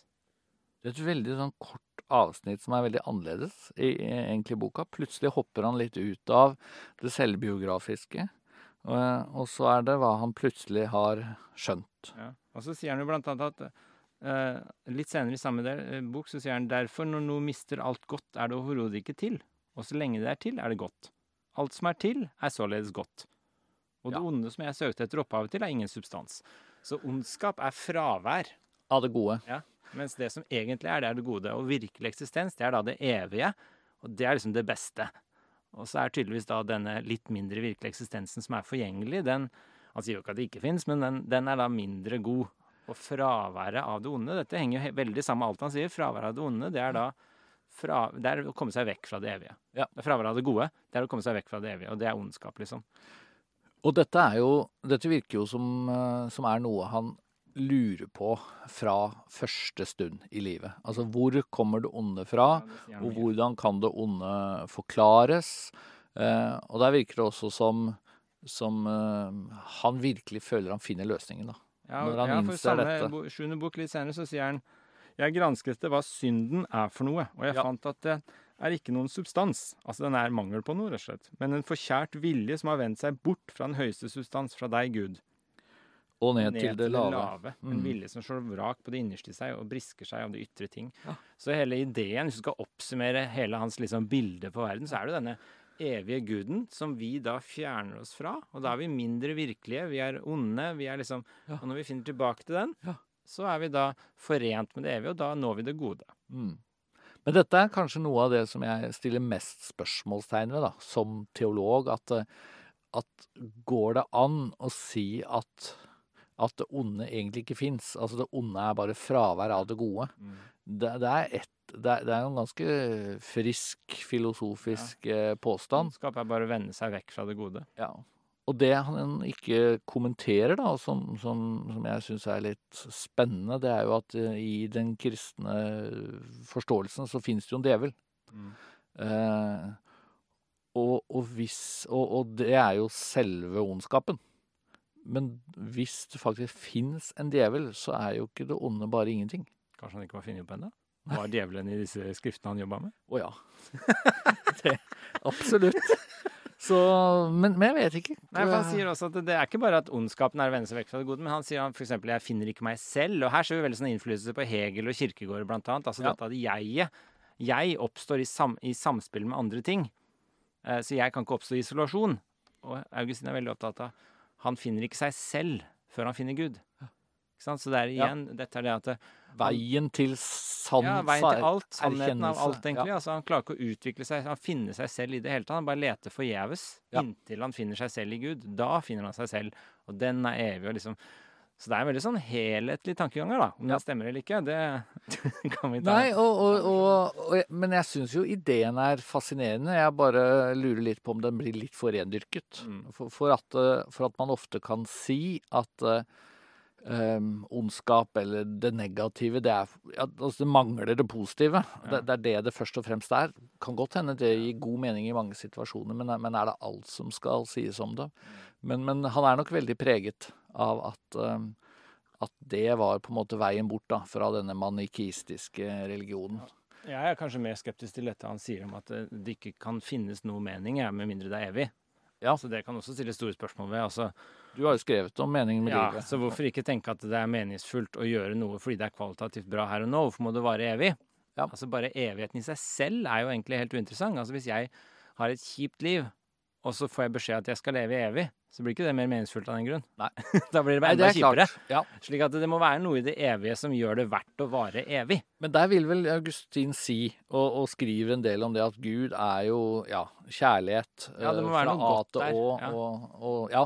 Det må være noe mer enn bare evigheten som sådan. Ja. Eh, Men jeg tenker det kan også være noe i kvaliteten her og nå som gir det mening, uten at det må vare evig. Enig. Eh, Så jeg ser ikke helt den der nødvendigheten av det evige, at alt skal være evig for å ha mening. Nei, den tenker jeg også blir for rendyrket. Og, og et eksempel på det er jo også hvor mye han skriver om hvor eh, problematisk det var å gå på teater. Ja. Eh, For det skriver han jo veldig mye om, at det var Og det var jo den tids underholdning, så, så kanskje han ville sagt det samme om Netflix, hvem vet? Ja, ja. Men Men- alle disse kule Augustin, Kirkegård og Nisje de hata jo media og underholdning. Ja. De ville ha kvalitet, de ville ha høykultur, de ville ha noe som varte, som hadde noe å si. For han har en eller annen tanke, tror jeg, om at eh, ja, det er gøy mens det står på, Ja, men hvis det ikke har noen verdi etterpå, Ja, ja. når du liksom går ut av å, å ha ledd og hatt det gøy og sett en eller annen forestilling som var fascinerende, men, men hva hvis det ikke er noe, noe som på en måte varer? Og, og der kommer jo igjen dette med at det må liksom ha en evighetsverdi, da. Ja, altså det er jo litt den der generelle eh, klagen på underholdning. At det er bare sånn der eh, her og nå-underholdning, og så er det borte når det går ut. Det er liksom helt meningsløst, Ja. egentlig. Ja. Det er litt den samme ideen. Altså Du ser en episode av Netflix, så har du glemt den idet du slår av. Da kasta du bort en time på det. Ja. Mens hvis du går på Det er egentlig skille mellom underholdning og kultur, da. Hvis Ja. du går på ordentlig Ja. kultur, og du ser en skikkelig god opera, liksom, så kan du få en fortelling og få noe ut av det som er evig, og som varer, og som gjenkjenner fra Augustins tid til vår tid. Og noe du reflekterer over dagen etter, og som ga deg et nytt perspektiv. Ja. Ja, så det, den boka her, for eksempel, da, 'Bekjennelser', Ja. den står seg som et kulturelt høydepunkt fordi vi kan lese den i dag og reflektere og kjenne oss igjen. Ja. Knytte menneskene på tvers av årtusener. Ja. Så jeg bare ser en dårlig reality-episode, liksom, så jeg glemte det fem minutter etterpå. Da var det egentlig bare bortkasta. Men da, på det området er du enig, da, med Augustin? Ja, helt enig. Men Ja. dette er jo alle som er viss kvalitetssans enig i. så at det må vare, det, at det, må, det må være noe som på en måte står trenger- seg litt lenger, da. Det er jo det tegn trenger på ikke å kvalitet. være evig. Nei, det bør ikke være evig. Så Nei. Jeg er veldig opptatt av malerkunsten, eksempel, og de maleriene som står seg. Ja. Ikke sant? Den, de, sånn som Abraham og Isak, har jeg tenkt mye på det siste. Disse maleriene av liksom Andrea del Sarto i renessansen og Caravaggio og Rembrandt har malt versjoner av Abraham som ofrer Isak. Ja. Og de episodene, de hendelsene som de tolker i disse maleriene, Ja. de står seg jo evig. Ja. Og de er helt uavhengig av liksom, at det er en kristen fortelling om Abraham som ofrer Isak. Han gjør det jo ikke til slutt, da, men uh, han gjør det kanskje litt sånn mentalt, har jeg tenkt. Han er jo villig til å ofre Isak, ikke sant? så han ofrer han egentlig selv om han ikke dør. Fordi han blir redda til slutt. Men Ja, det uansett var en, uh... Digresjon. Men uansett, uh, disse fortellingene er jo sånne der arketypiske fortellinger som på en måte vi kjenner igjen. For det handler jo om liksom å ofre noe. Ikke sant? Og det gjør vi Ja. alle. Ja. Ikke sant? Jeg ofrer familien min. Jeg jobber en time overtid på jobben. Så ofrer jeg den timen hjemme med familien. Ikke sant? Det er Mm. alltid noe du ofrer for noe annet. Ja. Og det å følge et kall, for eksempel, som mange føler på Ja. når du gjør noe, da ofrer du ganske mye annet. Tenk toppidrettsutøvere som følger dette kallet med å bli verdensmester på ski. Liksom. De ofrer jo ganske mye opp gjennom åra for å nå det målet. Og det fanger jo disse maleriene på Ja. en, De fryser på en måte det fast, da. Ja, og det er, liksom, det er jo kvalitet i en kulturell greie. ikke sant? Altså Dette maleriet tolker dette motivet, du ser det, og det står seg, uavhengig av liksom, historien bak akkurat det. Ja. Men den typen handling står seg. Det Mm. å ofre noe for et kall. Eh, og i Abraham og for Isak, så ofrer han jo den moralen der og da. Det som oppleves som galt der og da, det ofrer han for noe han ikke er sikker Noe han bare tror veldig sterkt, men som han på en måte ikke har noe god forståelse av. Ja. Så ofrer han noe. Det er en ekstrem versjon av det vi gjør hele tiden. Ja. Og det er et godt tegn på en kvalitet, ikke sant? Hvis jeg da ser en reality-episode, så lite sånn jeg får ut av det, føler jeg. Ja, nei, men det er, og der er, eh, der er Augustin ganske moderne, da. Ja. I, I sin analyse av, eh, av det som eh, Ja, det som er kvalitet. Eh, Men så vender han det jo veldig fort eh, mot Gud, da. Og, Ja. og at eh, da blir løsningen å søke det gode som Gud eh, har å by på. Og så sier han litt sånn folkelige ting. Her er, dette er liksom da litt sånn derre Litt sånn, sånn, sånn common sense, litt sånn folkekunnskap. Så sier han sånne gode ting sånn som i del fire av åttende bok, så sier han Det er nemlig så at når en gleder seg sammen med mange andre, er gledene rikere også hos de enkelte, fordi de varmer og oppglør hverandre gjensidig. Ja. Så delt glede er dobbelt glede, og delt sorg er halv sorg. Han er liksom inne på litt sånn folkekunnskap. Og rett før det, eh, i del tre, så sier han overalt gjelder det at den største gleden følger etter det største strev og ubehag. Den er også strekt under. Ja. For Det også er jo en sånn veldig folkelig og, og, og, noe vi veldig ofte opplever. Altså, det, er det er jo ingen gang det er deiligere å ta en dusj Nei. enn når du har jobba i ti timer ute fysisk. Og det er aldri det smaker bedre med en cola enn Ikke sant? Det, det, er- Eller, ja, det ølet du brygger selv, smaker mye bedre enn det du kjøper. det, Ja, jeg tar deg for, på, på ja du kjenner ikke så godt til det? Nei, nei. nei, altså det er veldig riktig akkurat den der, da. Jeg har strekt under den, jeg også. Altså det å jobbe hardt for noe. Og det er jo litt det som er problemet i vår tid, som jeg klager på hele tiden. Det er jo liksom denne umiddelbare tilfredsstillelsen alle Ja. jager hele tiden, i stedet for den litt lengre testen. Ja. Og dette er jo egentlig bare en god gammeldags marshmallows-testen, som er liksom de testa barn i sin tid. Jeg har gjort mange versjoner av det, men det Ja. opprinnelige var vel at de testa om barnet ville ha én marshmallow nå eller to litt senere. Ja. Og de som valgte to litt senere, de var mye bedre på å planlegge livet sitt. Ja. Og det gikk dem bedre generelt enn de som bare valgte den umiddelbare ene nå. Ja. For det var kortsiktig tenkt. Ja. Og det går igjen her. Det går absolutt igjen. Strev, langsiktige forpliktelser, plan, hardt arbeid. Så får du en større belønning. Ja. Og det syns jeg, er helt uavhengig av liksom det kristne her, det er liksom Det er god kunnskap, liksom. God psykologisering av uh, veien til et godt liv. Du jobber egentlig. med en, jeg, ikke når du tegner en kjapp tegning på to minutter, så jobber du med en tegning i to uker. Ja. Du er mer stolt av det resultatet. Helt klart. Og det Jeg tenker jo ofte på det sjøl med, med mye av det jeg jobber med og skriver. Altså Det å skrive et leserinnlegg, eksempel. Mm. Det kan ta en time. Og så sendes det inn, og så er det glemt på i løpet av en dag. Ja. Mens hvis du jobber med en bok, jobber grundig, så kanskje den kan stå seg over tid. Mm. Jeg er helt enig. Uh, to ting her som jeg syns er veldig, uh, veldig bra, da, som jeg syns var veldig interessant, det er Dette er skal vi se, dette er åttende bok også. Åttende bok, yes. Slutten av del sju. Og dette er litt sånn igjen interessant, fordi her sier han Min sjel var dødsens redd for å bli revet ut av den vanens strøm, hvor den ble tæret bort av en sykdom til døden. Kjenner du den setningen? Eh, Det er Kirkegård. Ja. Ja. Kirke har skrevet en bok som heter 'Sykdom til døden'. Ja. Og den handler om at vi fjerner oss fra Gud, og da får vi eksistensiell fortvilelse. Og når vi nærmer oss Gud igjen, når vi tar liksom det leap of faith og kommer oss inn i Gud igjen, Ja. da får, vi- finner vi meningen igjen. Og det er, ikke, det er jo Augustin veldig opptatt av. Men Ja. i tillegg, her er jo tittelen på boka hans. Så det er jo opplagt at Kirkegård har vært påvirka av Augustin.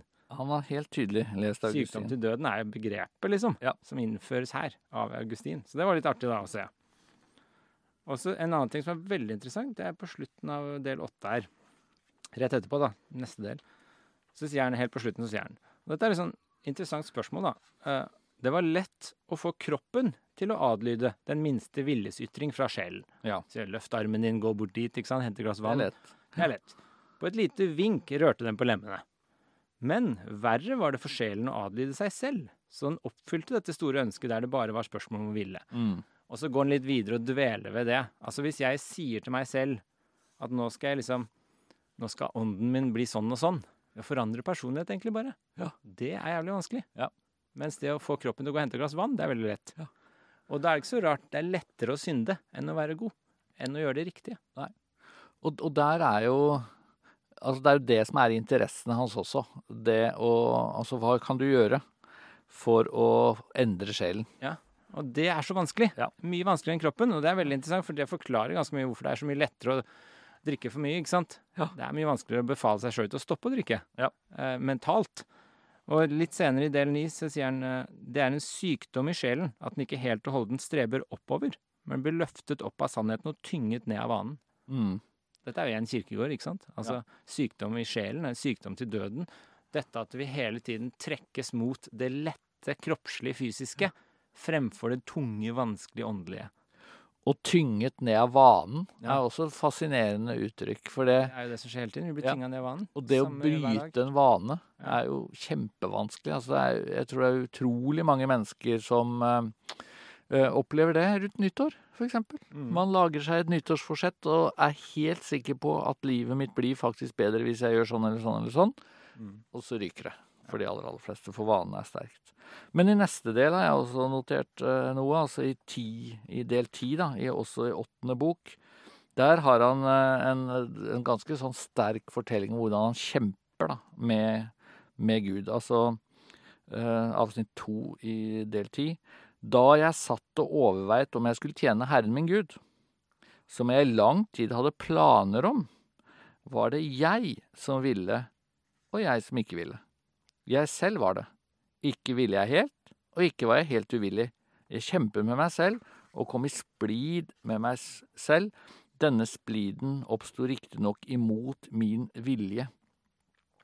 Så her, her skildrer han veldig sånn brutalt da, at han For her, nå er vi jo kommet så langt i boka at Augustin er sikker på at Gud fins, og at det er den kristne Gud, eller Bibelens Gud. Men likevel så står det på en måte står det fortsatt en kamp der. Eh, Han, han føler ikke at han er kommet til tro, fordi at eh, det, det eh, Han både vil og ikke vil samtidig. Ja, han sier det rett etter det jeg leste rett før det. Så for så vidt er det riktignok to viljer, for det er ikke en av dem som er hel. Den ene har det andre mangler. Ja. Så det er liksom to drifter hele tiden som driver deg og vil ting. Ja. Det er Den kroppslige og den åndelige. Ja. Og det er mye lettere å følge den kroppslige. Ja. Mye vanskeligere å følge den åndelige. Men tror du han mener det så, så tydelig at det, er, at det er kroppslig mot Er det det som er de to viljene? Jeg vet ikke. Det, er, det virker jo sånn, da. Det er, det, for den ene er liksom det som tynger deg ned i den fysiske vanen, og den andre er det som løfter opp i den åndelige sfæren. Ja. Så han er Jeg syns jo han er veldig dualistisk. Ja. Han sier på et tidspunkt at det, Han sier jo rett ut at det er stor forskjell på kropp og sjel. Ja, ja men det gjør han. Eh, og det er jo det han liksom Manikeerne var så opptatt av, dette, at alt er enten-eller. Og det er jo liksom ganske interessant at han kommer seg vel aldri helt vekk fra det, så vidt jeg kan skjønne. Han er veldig dualistisk. Han, er- ja, han er veldig dualistisk. Men, men jeg lurer jo av og til også på om, om han også mener at, at, at sjelen er splittet. da. Ja. At det ikke bare er at sjelen vil det gode og kroppen ikke vil, men at sjelen også stritter litt imot, da. I hvert fall. Ja. Nå sier han, eh, rett etter det jeg leste, da er vi også i del ti, så sier han dersom det finnes så mange motsatte naturer som der er motstridende viljer, så kan det ikke være to, men flere. Så, så sånn sett er det ikke bare dualisme. Her kan det være et kaos i et menneske av ulike eh, si, lyster og ting vi dras til, da. Når en, og så står det videre, når en står og overveier om en skal gå på møte hos manikerne eller gå i teatret, så roper de Se, der har vi de to naturene. Eh, Den ene som er god, fører ham dit, den andre som er ond, drar ham dit. Men så er jo Augustins poeng det er jo verken bra å gå til manikerne eller gå i teatret, som det finnes en slags tredjevilje. Hvorfor er det så gærent å gå i teatret? Er det bare fordi det er den umiddelbare tilfredsstillelsen som går så fort over?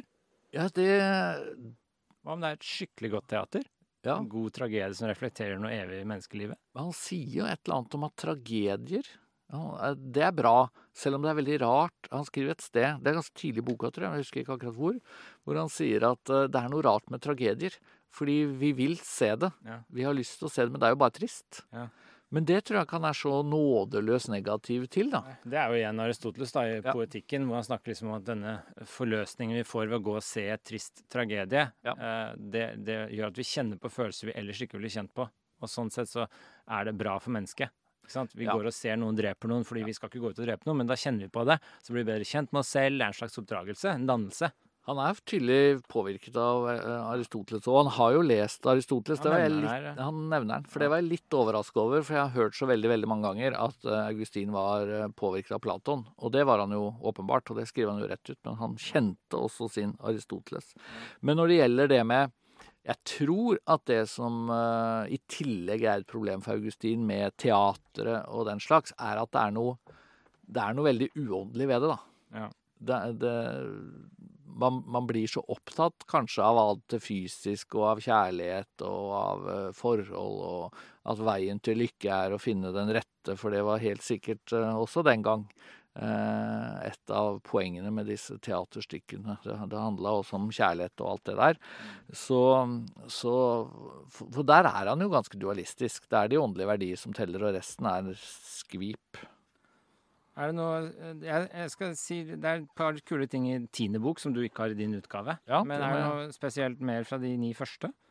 Uh, jeg syns er de ni første som er den selvbiografiske fortellingen om hvordan han ender opp med å Ja. finne denne evige hvilen og roen, da. Selv om han kanskje ikke 100 finner den. Nei, øh, han, han gjør kanskje ikke det. Og så kunne det vært interessant å Godt tegn at den ikke er så dogmatisk. Ja, og at han er såpass ærlig, da. ja, ja. Fordi det betyr jo at han kanskje prøver ikke å selge inn noe som rett og slett ikke er sant. Nei. Og det er det jeg egentlig Hvis jeg skulle Sånn som Du er jo troende. Ja. Jeg er jo tvilende. Og hvis det er Jeg er litt også Hvis det er noe jeg liker i denne boka her, så er det jo ærligheten og tvilen. Ja. Altså Han sier jo på et tidspunkt at eh, han vurderte Han var i ferd med å bli skeptiker, vet du. Ja. Et lite tidspunkt i overgangen fra han var manikert til han ble Ja. kristen, så var han i ferd med å bli skeptiker. Han begynte å stille spørsmål ved alt og ikke få kunnskap om noe som helst. Og ikke tro at han visste noe som helst. Litt sånn sokratisk skeptiker. Ja. At jeg vet ingenting. Annet enn at jeg vet ingenting. Uh, Men det slapp han, da, fordi han fant Gud. Ja. Men det er liksom den derre? Det som jeg liker så godt, er, er ikke det at han blir kristen. Det bryr jeg meg egentlig ikke noe med, for å være helt ærlig. Jeg liker det at han Det er den søken. Ja. Det er det at han søker etter noe, står for noe og er helt ærlig. Og bare sier det som det er, og går frem med det og mener at dette er det beste jeg har å gi. Men noe av det er jo det er hardt arbeid. Det noe, liker jeg. Og noe av det er jo det jeg liker òg. Altså, som troende så tenker jeg at eh, jeg hadde jo ikke kjent meg igjen. Eh, jeg hadde jo bare blitt mismodig hvis dette var en fortelling om hvor utrolig lettvint det er å begynne å tro på Gud, hvor utrolig lettvint det er å leve som en kristen, og hvor lykkelig man føler seg, og ingen prøvelser kommer. eh, kommer. Mm. Det er jo litt gøy i, i den aller siste boka, så rett etter at han blir en kristen og, og, og liksom tar det endelige valget, så får han jo tannverk som han aldri har hatt. Så det er jo også et lite signal om at eh, det, det går liksom ikke nødvendigvis på skinner, Nei. selv om man eh, blir en eh, selv om man blir en kristen og tar, tar, eh, tar valget. Men eh, av andre ting så kan jeg spørre om noe? Ja. Hvordan, kjente du igjen i måten han ble kristen på? Hvordan er det å bli kristen, egentlig? Jeg har alltid lurt på det. Jeg er jo sånn som egentlig ikke tror, men jeg er ikke, sånn, jeg er ikke noen ateist. Jeg er ikke noen noe ateist, men jeg, jeg håper det finnes en gud, men jeg tror kanskje egentlig ikke det gjør det. Ikke sant? Så jeg er veldig sånn ikke der. Men du tror jo faktisk. Ja. Hvordan er, det, hvordan er overgangen? Ja, det Det kan har du alltid trodd. Ja, det er det. ja. Jeg kan på en måte ikke fortelle om det, og det er jo litt kjipt, da. For da har jo Ja. folk mulighet til å si til meg at ja, men du tror jo bare av gammel vane. Det har alltid vært sånn. Men, Ja, men, men jeg må er jo jo på et tidspunkt ha kommet frem til erkjennelsen at ja, dette står jeg for. Ikke Ja. bare dette er blitt gitt. Absolutt. Og det er klart, jeg vokste jo opp med, med tro, og faren min døde når jeg var fem år. Ja. Og da kom det nok veldig tidlig inn i mitt liv, da, akkurat denne tanken om øh, hva fins det noe, på en måte, noe håp Ja. utover dette livet. Og det ble jeg jo fortalt at det gjorde. Og så, men jeg har nok alltid vært ganske tvilende, og derfor så likte jeg jo boka. Og tenker det, det er fint dette han skriver om. Um, men For det som er litt interessant Ja. her, er at han gir jo ikke noe argument, sånn som jeg er veldig sånn søkende. Men han gir ikke noe argument for at Gud fins. Han er bare sånn han bare erkjenner det innad i sitt hjerte. På Ja. et tidspunkt så blir det akkurat som det er litt sånn glidende overgang òg. Liksom mer og mer, og til slutt bare er han troende. Ja. Men det er aldri liksom denne klare punktet. Han har ikke fått noe åpenbaring, han har ikke fått et argument som har overbevist han. Det er bare liksom bare Han har søkt og søkt, og så glidd over i det. Og så er det et eller annet også med at det er mange steg, da. Altså For først så er det på en måte så Først så tror han jo at kristne bare overhodet ikke henger på greip, Ja. og manikismen gjør det. Og så får han løst litt opp i de tankemessige flokene. Men så blir han jo ikke en kristen selv om han tankemessig tenker at uh, den kristne Gud er sannheten. Fordi han må jo også da uh, kjempe for å gå helhjertet inn for dette. Men jeg tror det jeg kanskje kan kjenne han igjen i, og som er også litt, litt min erfaring, er jo at, at i en kristen kontekst, altså i forbindelse med bønn, eller du kanskje er på en eller annen gudstjeneste eller et møte, så tror jeg nok mange opplever at, at du, du får en sånn opplevelse av, da, en slags erfaring av at det er Dette er ikke bare menneskeord. Mm. Dette er ikke bare et ritual, dette er ikke bare en gammel vane. Det er et eller annet sannhet der. Du, ja, et eller annet sånt som er utrolig vanskelig å sette ord på. da. Ja. Og ja, Pascal har jeg lest en del av. Han har jo litt av det samme. At, at du blir aldri kvitt uroen, usikkerheten fullt og helt, men du kan kanskje i noen glimt, liksom. Da bare kjenner du det, liksom? Jeg tror eh, Det er litt sånn Augustin snakker om. Ja. På et tidspunkt så bare kjenner han at dette er ikke noe i tvil om lenger. Nei. Denne evige roen. Og- og- uten at det er liksom en påstand du kan skrive ned og bevise. Ja. Nei, og, og kanskje akkurat det med ro, det med hvile, at this is it. Ja. Men det er ikke noe sånn, så det har ikke vært en enkelt åpenbaringshendelse for deg? Ikke i det hele tatt for meg. Jeg har eh, Ja, fordi I religionsfilosofi ja. er det liksom to retninger. Det er den der som liksom har den der, det Ja. mirakelet, den åpenbaringen. Ja. Og så er det den der som er mer rasjonelt orientert, som er mer sånn jeg ser på alt for og imot og argumenterer. Også. Ja. Det er to sånne retninger, da. Ja, og, og, og, og du har jo mange. altså Augustin kunne nok påpekt, selv om det er litt vanskelig, men jeg tror han kunne sagt den datoen.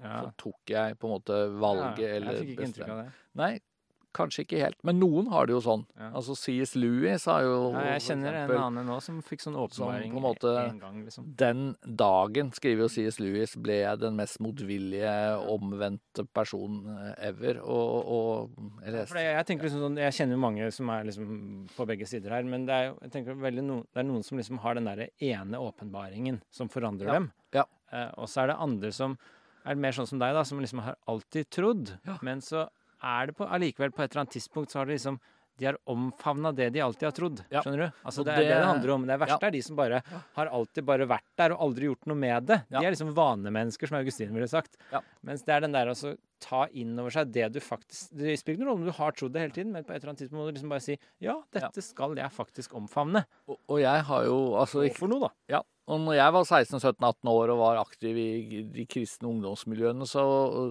eller i, i det kristne ungdomsmiljøet i Tønsberg hvor jeg kommer fra, så, så stilte jeg jo det spørsmålet noen ganger. Altså, tror jeg virkelig på dette? Ja. Eh, Er, det, er det sant, eller er det bare fordi jeg er oppvokst med det? Mm. Eh, Og da hadde jeg men ikke på en måte én opplevelse, så jeg kan liksom si at det var 18. februar eh, sånn og sånn.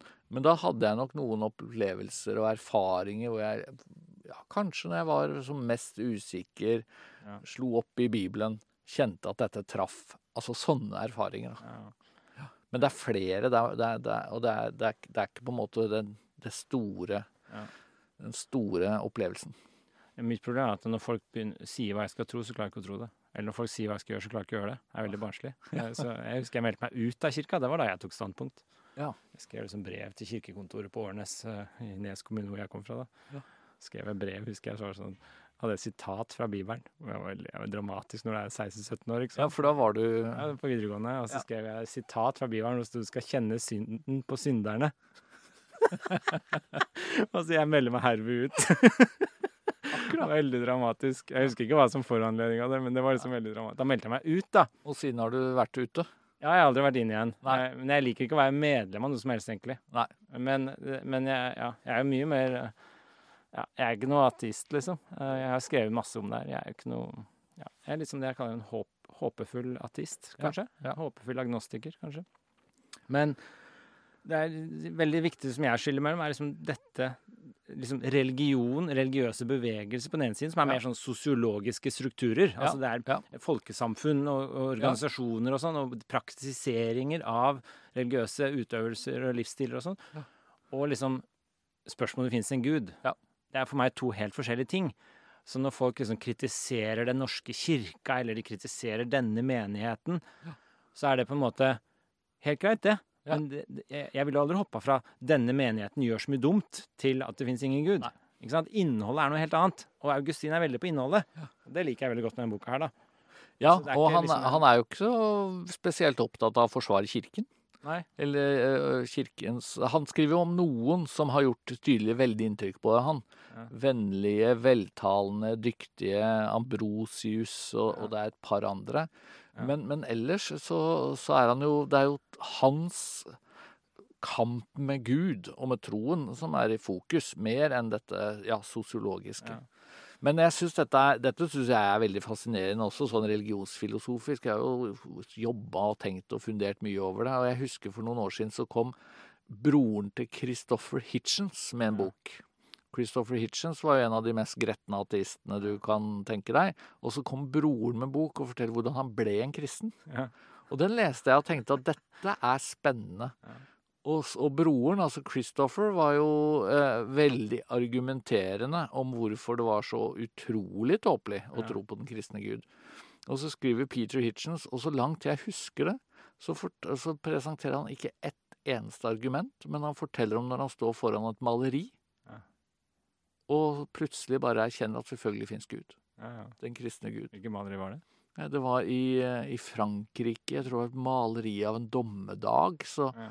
men, men eh, det er jo ganske vanskelig som leser å tenke at ja, men da blir jeg også en kristen, for dette ga jo god mening. Mm. Jeg har alltid sagt det, altså hvis jeg skulle blitt troende, så hadde det vært av estetiske grunner. Altså Det hadde vært for jeg hørte Bach liksom, og syntes det var helt fantastisk. Og tenker at her Nei, kan Dette er jo Gud som Ja, snakker til ja, meg, ikke sant? ja. Eller jeg så liksom Rembrandts en uh, hjemvendte sønn, ikke sant? når han kneler foran og holder rundt faren sin. Altså Det er jo på en måte Du finner tilbake til Gud. Det er jo det egentlig bildet representerer, kanskje, til og med. Men jeg snakka faktisk med en mann for ikke så lenge siden som omtrent sa det sånn at han, han gikk inn på et eh, Var det Hendels Messias Nei, jeg tror ikke det var Hendels Messias, men det var noe, som, no, noe av dette virkelig fantastiske kirkekonserten som jeg tror var i fire timer. Ja. Men sånt når han gikk inn, så var han ikke en kristen. Når han gikk ut, så var han det. Det er det du må ha Det er liksom estetisk overbevisning. ja. Ja. Men vi begynner å bruke mye jern nå. Men jeg skal, jeg bare, det er en veldig kul ting i kapittel 10 som du ikke har. Nei, da venter jeg spent. For det som skjer i kapittel 10, er at han begynner å Det er ganske morsomt. Altså han begynner å Han begynner å snakke Reflektere om liksom seg selv mer enn det blir selvbiografisk. Så blir det selvrefleksjon. Ja. Eh, og han begynner å snakke om ånden og sjelen, hva den egentlig er, og hva jeg er. Og han sier 'jeg vet ikke hva jeg er'. Nei. Og så begynner han Det høres jo også veldig moderne ut. ja, og så begynner han å snakke om liksom at denne ånden, det åndelige riket, eller verden, da, denne in, indre verden, Ja. den er et stort rom hvor det er masse erindring. Så han, han begynner å snakke om viktigheten av å huske. Ja. Hukommelse. Ja. Og hvordan alt liksom er at du husker ting. Altså når du gjenkjenner en person, Ja. så er det fordi du husker den. Ja. Du ville aldri gjenkjent hvis du ikke husker han. Og da begynner han å lure på, stille veldig godt spørsmål, da. Hvordan kan han kjenne Gud? Han Ja. ville jo aldri kjent den igjen hvis han ikke hadde allerede hukommelse av Gud. For han ville ikke visst hva han leta etter. Så hvis jeg går og leter etter noe hjemme som jeg aldri har noe hukommelse om hva var, Ja, så leter jeg jo blinde. Da leter jeg jo ikke etter noen ting. Så jeg må jo lete etter noe jeg vet hva er. ja. Som jeg kjenner igjen når jeg ser det. Ellers er det litt håpløst. Og det kan du ikke med Gud, Nei, så han sånn må utgangspunktet. Så han sier at han må jo ha erindra Gud, bare. Ja. Han kan ikke ha funnet noe nytt. Han må bare huske noe han allerede visste. Ja. Det er ganske interessant. ja. Dette er en gammel platonsk tanke. Jeg tror det er Ja. Gorgias-dialogen, hvor han snakker om at eh, all kunnskap til syvende og sist bare er erindring fra tidligere liv. Ja. Men det er jo litt verre igjen, da. Å ha som utgangspunkt uh, Han sier ikke det her, da. Han Nei. sier ikke det. Det er liksom Platon. det er Platon. Det er så lang diskusjon om hva kunnskap er. Ja. Og så er det liksom berettiget sann oppfatning og sånn. Og så til slutt så sier han hvordan får vi denne? Jo, det er erindring fra, Gud, fra tidligere liv, liv. Og det er bare sånn åh, gedigen skuffelse, ikke sant. Det var svaret. Men Ja. her snakker han om at det er et ganske interessant problem, da. Ja. Dette med at du liksom Hvordan gjenkjenner du noe? Ja. Du må jo huske av det fra før Ja. for å gjenkjenne det. Og da, hvordan får du da kunnskap om Gud? For du ser den jo ikke. Men løser han det, eller? Har han på egentlig ikke. en Jeg tror han bare kommer Han, ba, han bare liksom- filosoferer rundt ja, det. altså alt kommer jo fra Gud, liksom. Så Ja. det er en slags eh, Vi er der, og det er jo det som er det mest virkelige. Jeg fikk litt sånn Thomas og Kvinnas følelse om at liksom den ekte væren er jo egentlig bare Gud. Ja. Og så er alt springer fra det. Så når vi da kommer og erkjenner Gud igjen, så er det egentlig bare en slags erindring fra vår urværen, så å si. Eh, Men jeg vet ikke om jeg la for mye i det også. Men han skriver eh, Det gir meg en assosiasjon til noe som jeg tenkte på som han skriver helt først i tredje bok. Um, og der skriver han um, Dypest inne var det jo en hunger i meg etter næring for det indre liv. Etter deg, min Gud, Men jeg kjente ikke denne hungeren. Og det er så paradoksalt. Altså, på den ene siden så mener han at alle mennesker lengter etter Gud. Og på den andre siden så går det altså an å navigere sånn i livet at man rett og slett bare ikke kjenner den hungeren. Men jeg tror kanskje Augustin kan mene at siden Gud har skapt oss, så har Gud på en måte lagt såpass mye ned i oss som gjør at vi kan gjenkjenne, da. Ja, jeg tror det er bare et frø der som Ja. liksom Og, og, og det kan vi vanne og, og dyrke fram, eller vi kan gå på teater og prøve å glemme det. Ja, jeg tror det er, det er ideen. For han sier her også, som er veldig interessant, så sier han Han lurer også på hva jeg er. Altså hva er jeget? Ja. Og så sier han han har ikke helt, enda kan jeg ikke selv fatte helt ut hva jeg er. Så er da ånden for trang til å romme seg selv. Altså, jeg klarer ikke Ja. å altså, Han ser for seg ånden som et rom, da, hvor det er, alt henger på knagger som du kan huske. Så det er sånn han ser for seg rommet sånn fenomenelt. Ikke sant? Og så Ja. sier han da, men dette, ånd- denne ånden selv henger jo ikke på en av disse knaggene. Nei. For den er jo hele rommet. Ja. Men da rommer det jo ikke seg selv. Altså Det kan ikke være inni seg selv da. Så hvor er det da? Ganske sånn subtilt, Ja. litt sånn transcendentalt argument. Altså det må være noe bakenfor som på en måte jeg ikke helt har fått grep på. Og det er der jeg tror Gud kommer inn, da. Og så sier han eksempel, hvor er det av den, altså av ånden, som den ikke selv kan romme? Mm. Hvor er liksom ånden selv, hvis alt som er inni ånden, er det ånden husker? Hvor er da ånden selv? Den som husker. Dette går inn i filosofistudien. Heidegger var veldig opptatt av eksempel. Hvor er denne Men det er ganske svevende. Det er og veldig, det, det det er er- vel litt av grunnen til at denne delen aldri havna i min bok, som har fått uh, forord av en biskop. Ja, han og havna ikke i kirkeboka. Vet du. Havna i, ja, men du må på Aschehoug for å få den her. Ja. Men her sier han jo er, den ut, er det utenfor den og ikke inni den? Altså er ånden utenfor seg selv, da? Ja. Og det er ganske sånn tricky. Så sier han hvordan kan det henge sammen at den ikke rommer det? En stor forundring over dette stiger opp i meg. Jeg gripes av undring som gjør meg målløs. Så han, han forstår ikke helt hva jeget er. Og det er et kjempeproblem som går igjen i hele filosofihistorien Ja. etterpå. Det er jo det. Descartes var opptatt av det her. Ikke sant? Hegel og Kirkegård er veldig opptatt av det her. Parfit i nyere tid har vel bare prøvd å slå fast at det egentlig ikke finnes et jeg. Sånn, dette er et kjempeproblem i moderne filosofi fortsatt. Dette, Ja. Hva er jeg, Hvor kommer det fra? Ja. Bevissthetsfilosofi, det er jo en hel Og dette er han veldig opptatt av i bok ti, da. Ja. Og han sier blant annet sjelen, den er ett med erindringen selv. Så egentlig er sjelen sjelen er- bare hukommelse. Ja. Men da må du Da får du begge disse problemene. Hva er det som husker? Ja. Og hvordan kan vi da gjenkjenne Gud, for eksempel, uten at vi, hvis vi ikke hadde huska han fra før? Men den tanken, at sjelen og jeget i stor grad er erindring, det er jo på mange måter også det moderne svaret som mange filosofer gir i dag.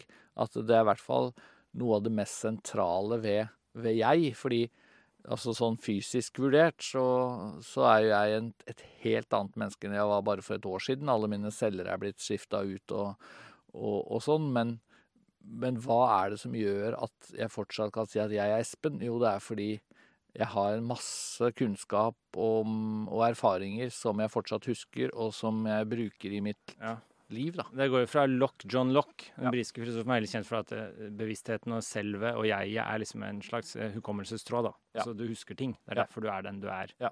på tvers. Men det er mange som mener det ikke funker helt, da. Men han, eh, ja, så han er veldig opptatt av dette, dette erindringsaspektet, som jeg syns var litt interessant. da. Altså hvem dette jeget er. Ja. Uh, og så her I bok 10 så sier han også teatret, faktisk, som du nevnte tidligere. Ja, han ja. sier det er sant, teatret fengsler meg ikke lenger. Jeg bryr meg ikke mer om å kjenne stjernenes gang. Og min sjel har aldri spurt skygger til råds. Han begynner å miste interessen for underholdning, Og astrologi. men han begynner også å miste interessen for det som han ser på som sånn vitenskapelig Ja. eh, eh, holdning. Altså det der å kjenne hvordan stjerner beveger seg. Både astronomi, tror jeg, og astrologi. Ja, for det var jo mye mer sammenfletta på Ja. denne tiden. Så I han begynner å miste interesse for alt dette Ja. rundt seg, og så begynner han bare å se innover. Og så sier han da at Gud, den er liksom inni, da. Uh, så liksom, han finner Gud på innsiden, og da mister han interesse for alt på utsiden. Ja. Det er litt trist òg. Ja, er derfor så ville jeg gjerne fortolka det dit hen at det var bare astrologi han mista troen på. Ikke, Ja, ikke så mye. Men fordi det er jo litt sånn stusslig hvis han liksom mister troen på alt rundt seg. Ja. og bare se innover, og så viser det seg at det indre var bare tull. Ja. Da har han jo kasta bort den ene sjansen han hadde da, til å oppleve verden. Men han, etter at han skrev dette, han var jo Han fikk jo mange år faktisk videre som Ja, biskop og tenker, og Ja. skrev jo masse. Han ble ganske gammel. Han var oppe i 70-åra, tror jeg. Ja, 354, født 430 død, så hva blir det? Det blir eh, 74 år? 76 år? Ja. det er en god alder på den tida, da. Ja, absolutt. Ja, 76 år tror jeg faktisk han blei. Absolutt. Men, og, og han var jo helt tydelig syk innimellom. Ja. Så, og, og de var jo ikke så gode på antibiotika og andre behandlinger, så det var litt sånn Det er mer med astrologi òg. Ja. Se, du var i det indre, men jeg var utenfor, og jeg søkte deg der ute. Han søkte på feil sted. Ja. Veldig innadrettet. veldig Alt handler om det indre. Ja. Veldig subjektivt. ikke sant? Alle må, dette er jo veldig sånn moderne. ikke sant? Altså Alle må søke i seg. Mm. Jeg kan ikke gå og høre på deg. Nei. Jeg må faktisk søke i meg for å finne ut av det. Så om jeg vokste opp kristen sånn som deg, da Jeg gjorde ikke det, men hvis jeg hadde gjort det, Ja. så måtte jeg på et eller annet tidspunkt måte søke innover og finne det selv. Ja. For at det skulle være ordentlig. Ellers hadde det ikke vært ekte. Og da blir det Da tror jeg eh, på en måte nøkkel for Augustin igjen blir at eh, det funker fordi det er det vi er skapt til. Altså vi er skapt til å finne hvile i Gud, Ja. tross alt. Mm. Og så er det så mye som kan forstyrre det, da. Ja, Er det andre ting? Vi har jo langt øh, brukt god tid nå. Nei, vi kan, vi kan runde av, vi. Altså. Jeg syns vi har vært innom veldig mye. Men jeg fant et apropos Jeg har jo vel, blir jo veldig opptatt av å lese hvordan fortolker han tro og Gud og alt det der. Men jeg, jeg tenkte at han, han skriver jo noe som passer veldig godt på sosiale medier i Ja. vår tid. Ja. Så hvis vi skal avslutte med noe überrelevant, så syns jeg det er fascinerende at han skriver, jeg tror det er bok to, kan det tenkes noen fiende blant mennesker som er farligere enn selve hatet, som opphisser oss mot fienden? Det er ganske interessant. Han, han også så det, at det å piske opp hat, Mm. Det er det, noe av det farligste som fins. Ja. Og med en gang jeg leste det, så tenkte jeg at det, det treffer jo litt av det vi ser i vår tid, og hvor kanskje nettopp pga. sosiale medier så er det å piske opp hat noe av det letteste man gjør, og noe av det Facebook har oppdaga også, at, eh, at virkelig deres plattform brukes til. Og Augustin hadde sett det. Mm, Han er jo inne på både det at gleden smitter, Mm. sorgen smitter, gleden smitter, hatet smitter, de sosiale følelsene smitter. Ja. Det er han jo flere, inne på flere ganger. Ja. Dette er jo forska på i senere år, og man har funnet ut at det er sant. Ja, det er sant. Eh, Facebook har jo selv gjort forskning på det, at det smitter. Og det du ser på veggen, smitter. Og der skiller han jo også mellom det gode vennskap, Mm. eh, som, som på en måte er eh, fortrolighet og, og ja, flere av de tinga vi allerede har nevnt. Mm. Men det dårlige vennskapet, det er når du blir lurt til å gjøre noe du egentlig ikke vil, fordi at eh, alle gjør det, og dette er en del av eh, det gjengen gjør, da. Så han er veldig opptatt av det, det som smitter, og, og kanskje er det derfor han også eh, oppfordrer da til å søke innover, så du er et autentisk menneske. Og det er jo liksom, Hvis vi skal avslutte med noe, så er det jo det kanskje jeg sitter igjen med her òg. Det er at det, det er veldig sånn eksistensialistisk idé som Ja. kom opp igjen med Sartre og alle disse eksistensialistene på midten av 1900-tallet. Ja. Så er det jo det at du må leve et autentisk liv. Du må liksom selv omfavne med hele hjertet og hjernen din Ja. det du tror på, Ja. og stå for det. Ja. Og hvis du gjør det, så har du på en måte ikke gjort noe galt. Men hvis du ikke kan stå for det etter nok refleksjon, etter nok ting, du har ikke jobba hardt nok for å kunne stå for det du driver med, da er det ikke ordentlig autentisk. Og der er han jo også veldig tydelig på at eh, slik sett så hjalp det på en måte ikke at moren eh, var så from, og at moren prøvde å vekselvis presse og lokke han Mm. til tro og til kirke og til alt dette. Hvis det ikke kommer innenfra, hvis det ikke er ordentlig autentisk og, og, og, Ja. og ekte på den måten, så, så, så blir det bare en uh, hykleri. Men egentlig. mora går jo, han har mer sans for mora sin mot slutten, så hun går foran som et godt eksempel. Ja. Han får veldig respekt for henne til slutt. Ja. Så det, jeg tror det er viktig det som foreldre, da, for eksempel. Altså, vi har jo barn begge to. Jeg tror det er viktig også gå foran som et eksempel, Ja. selv om de ikke kanskje hører etter det du sier. Ja. Hvis du viser det, Ja. det er jeg veldig opptatt av. Vise det du mener er riktig, ikke bare si det. Ja. Uh, og da tror jeg at de får referansepunkter som de selv forhåpentligvis kan erkjenne senere. Men de må gjøre det selv. De må gjøre det selv. Du, du kan, Du kan lede hesten til vannet, men den må drikke selv. Ja. Det var en fin måte å avslutte. Veldig fin måte. Tusen takk for at du kom. Veldig hyggelig. Kanskje vi gjentar det med en annen Augustin-bok en gang. Gjerne det. OK, takk.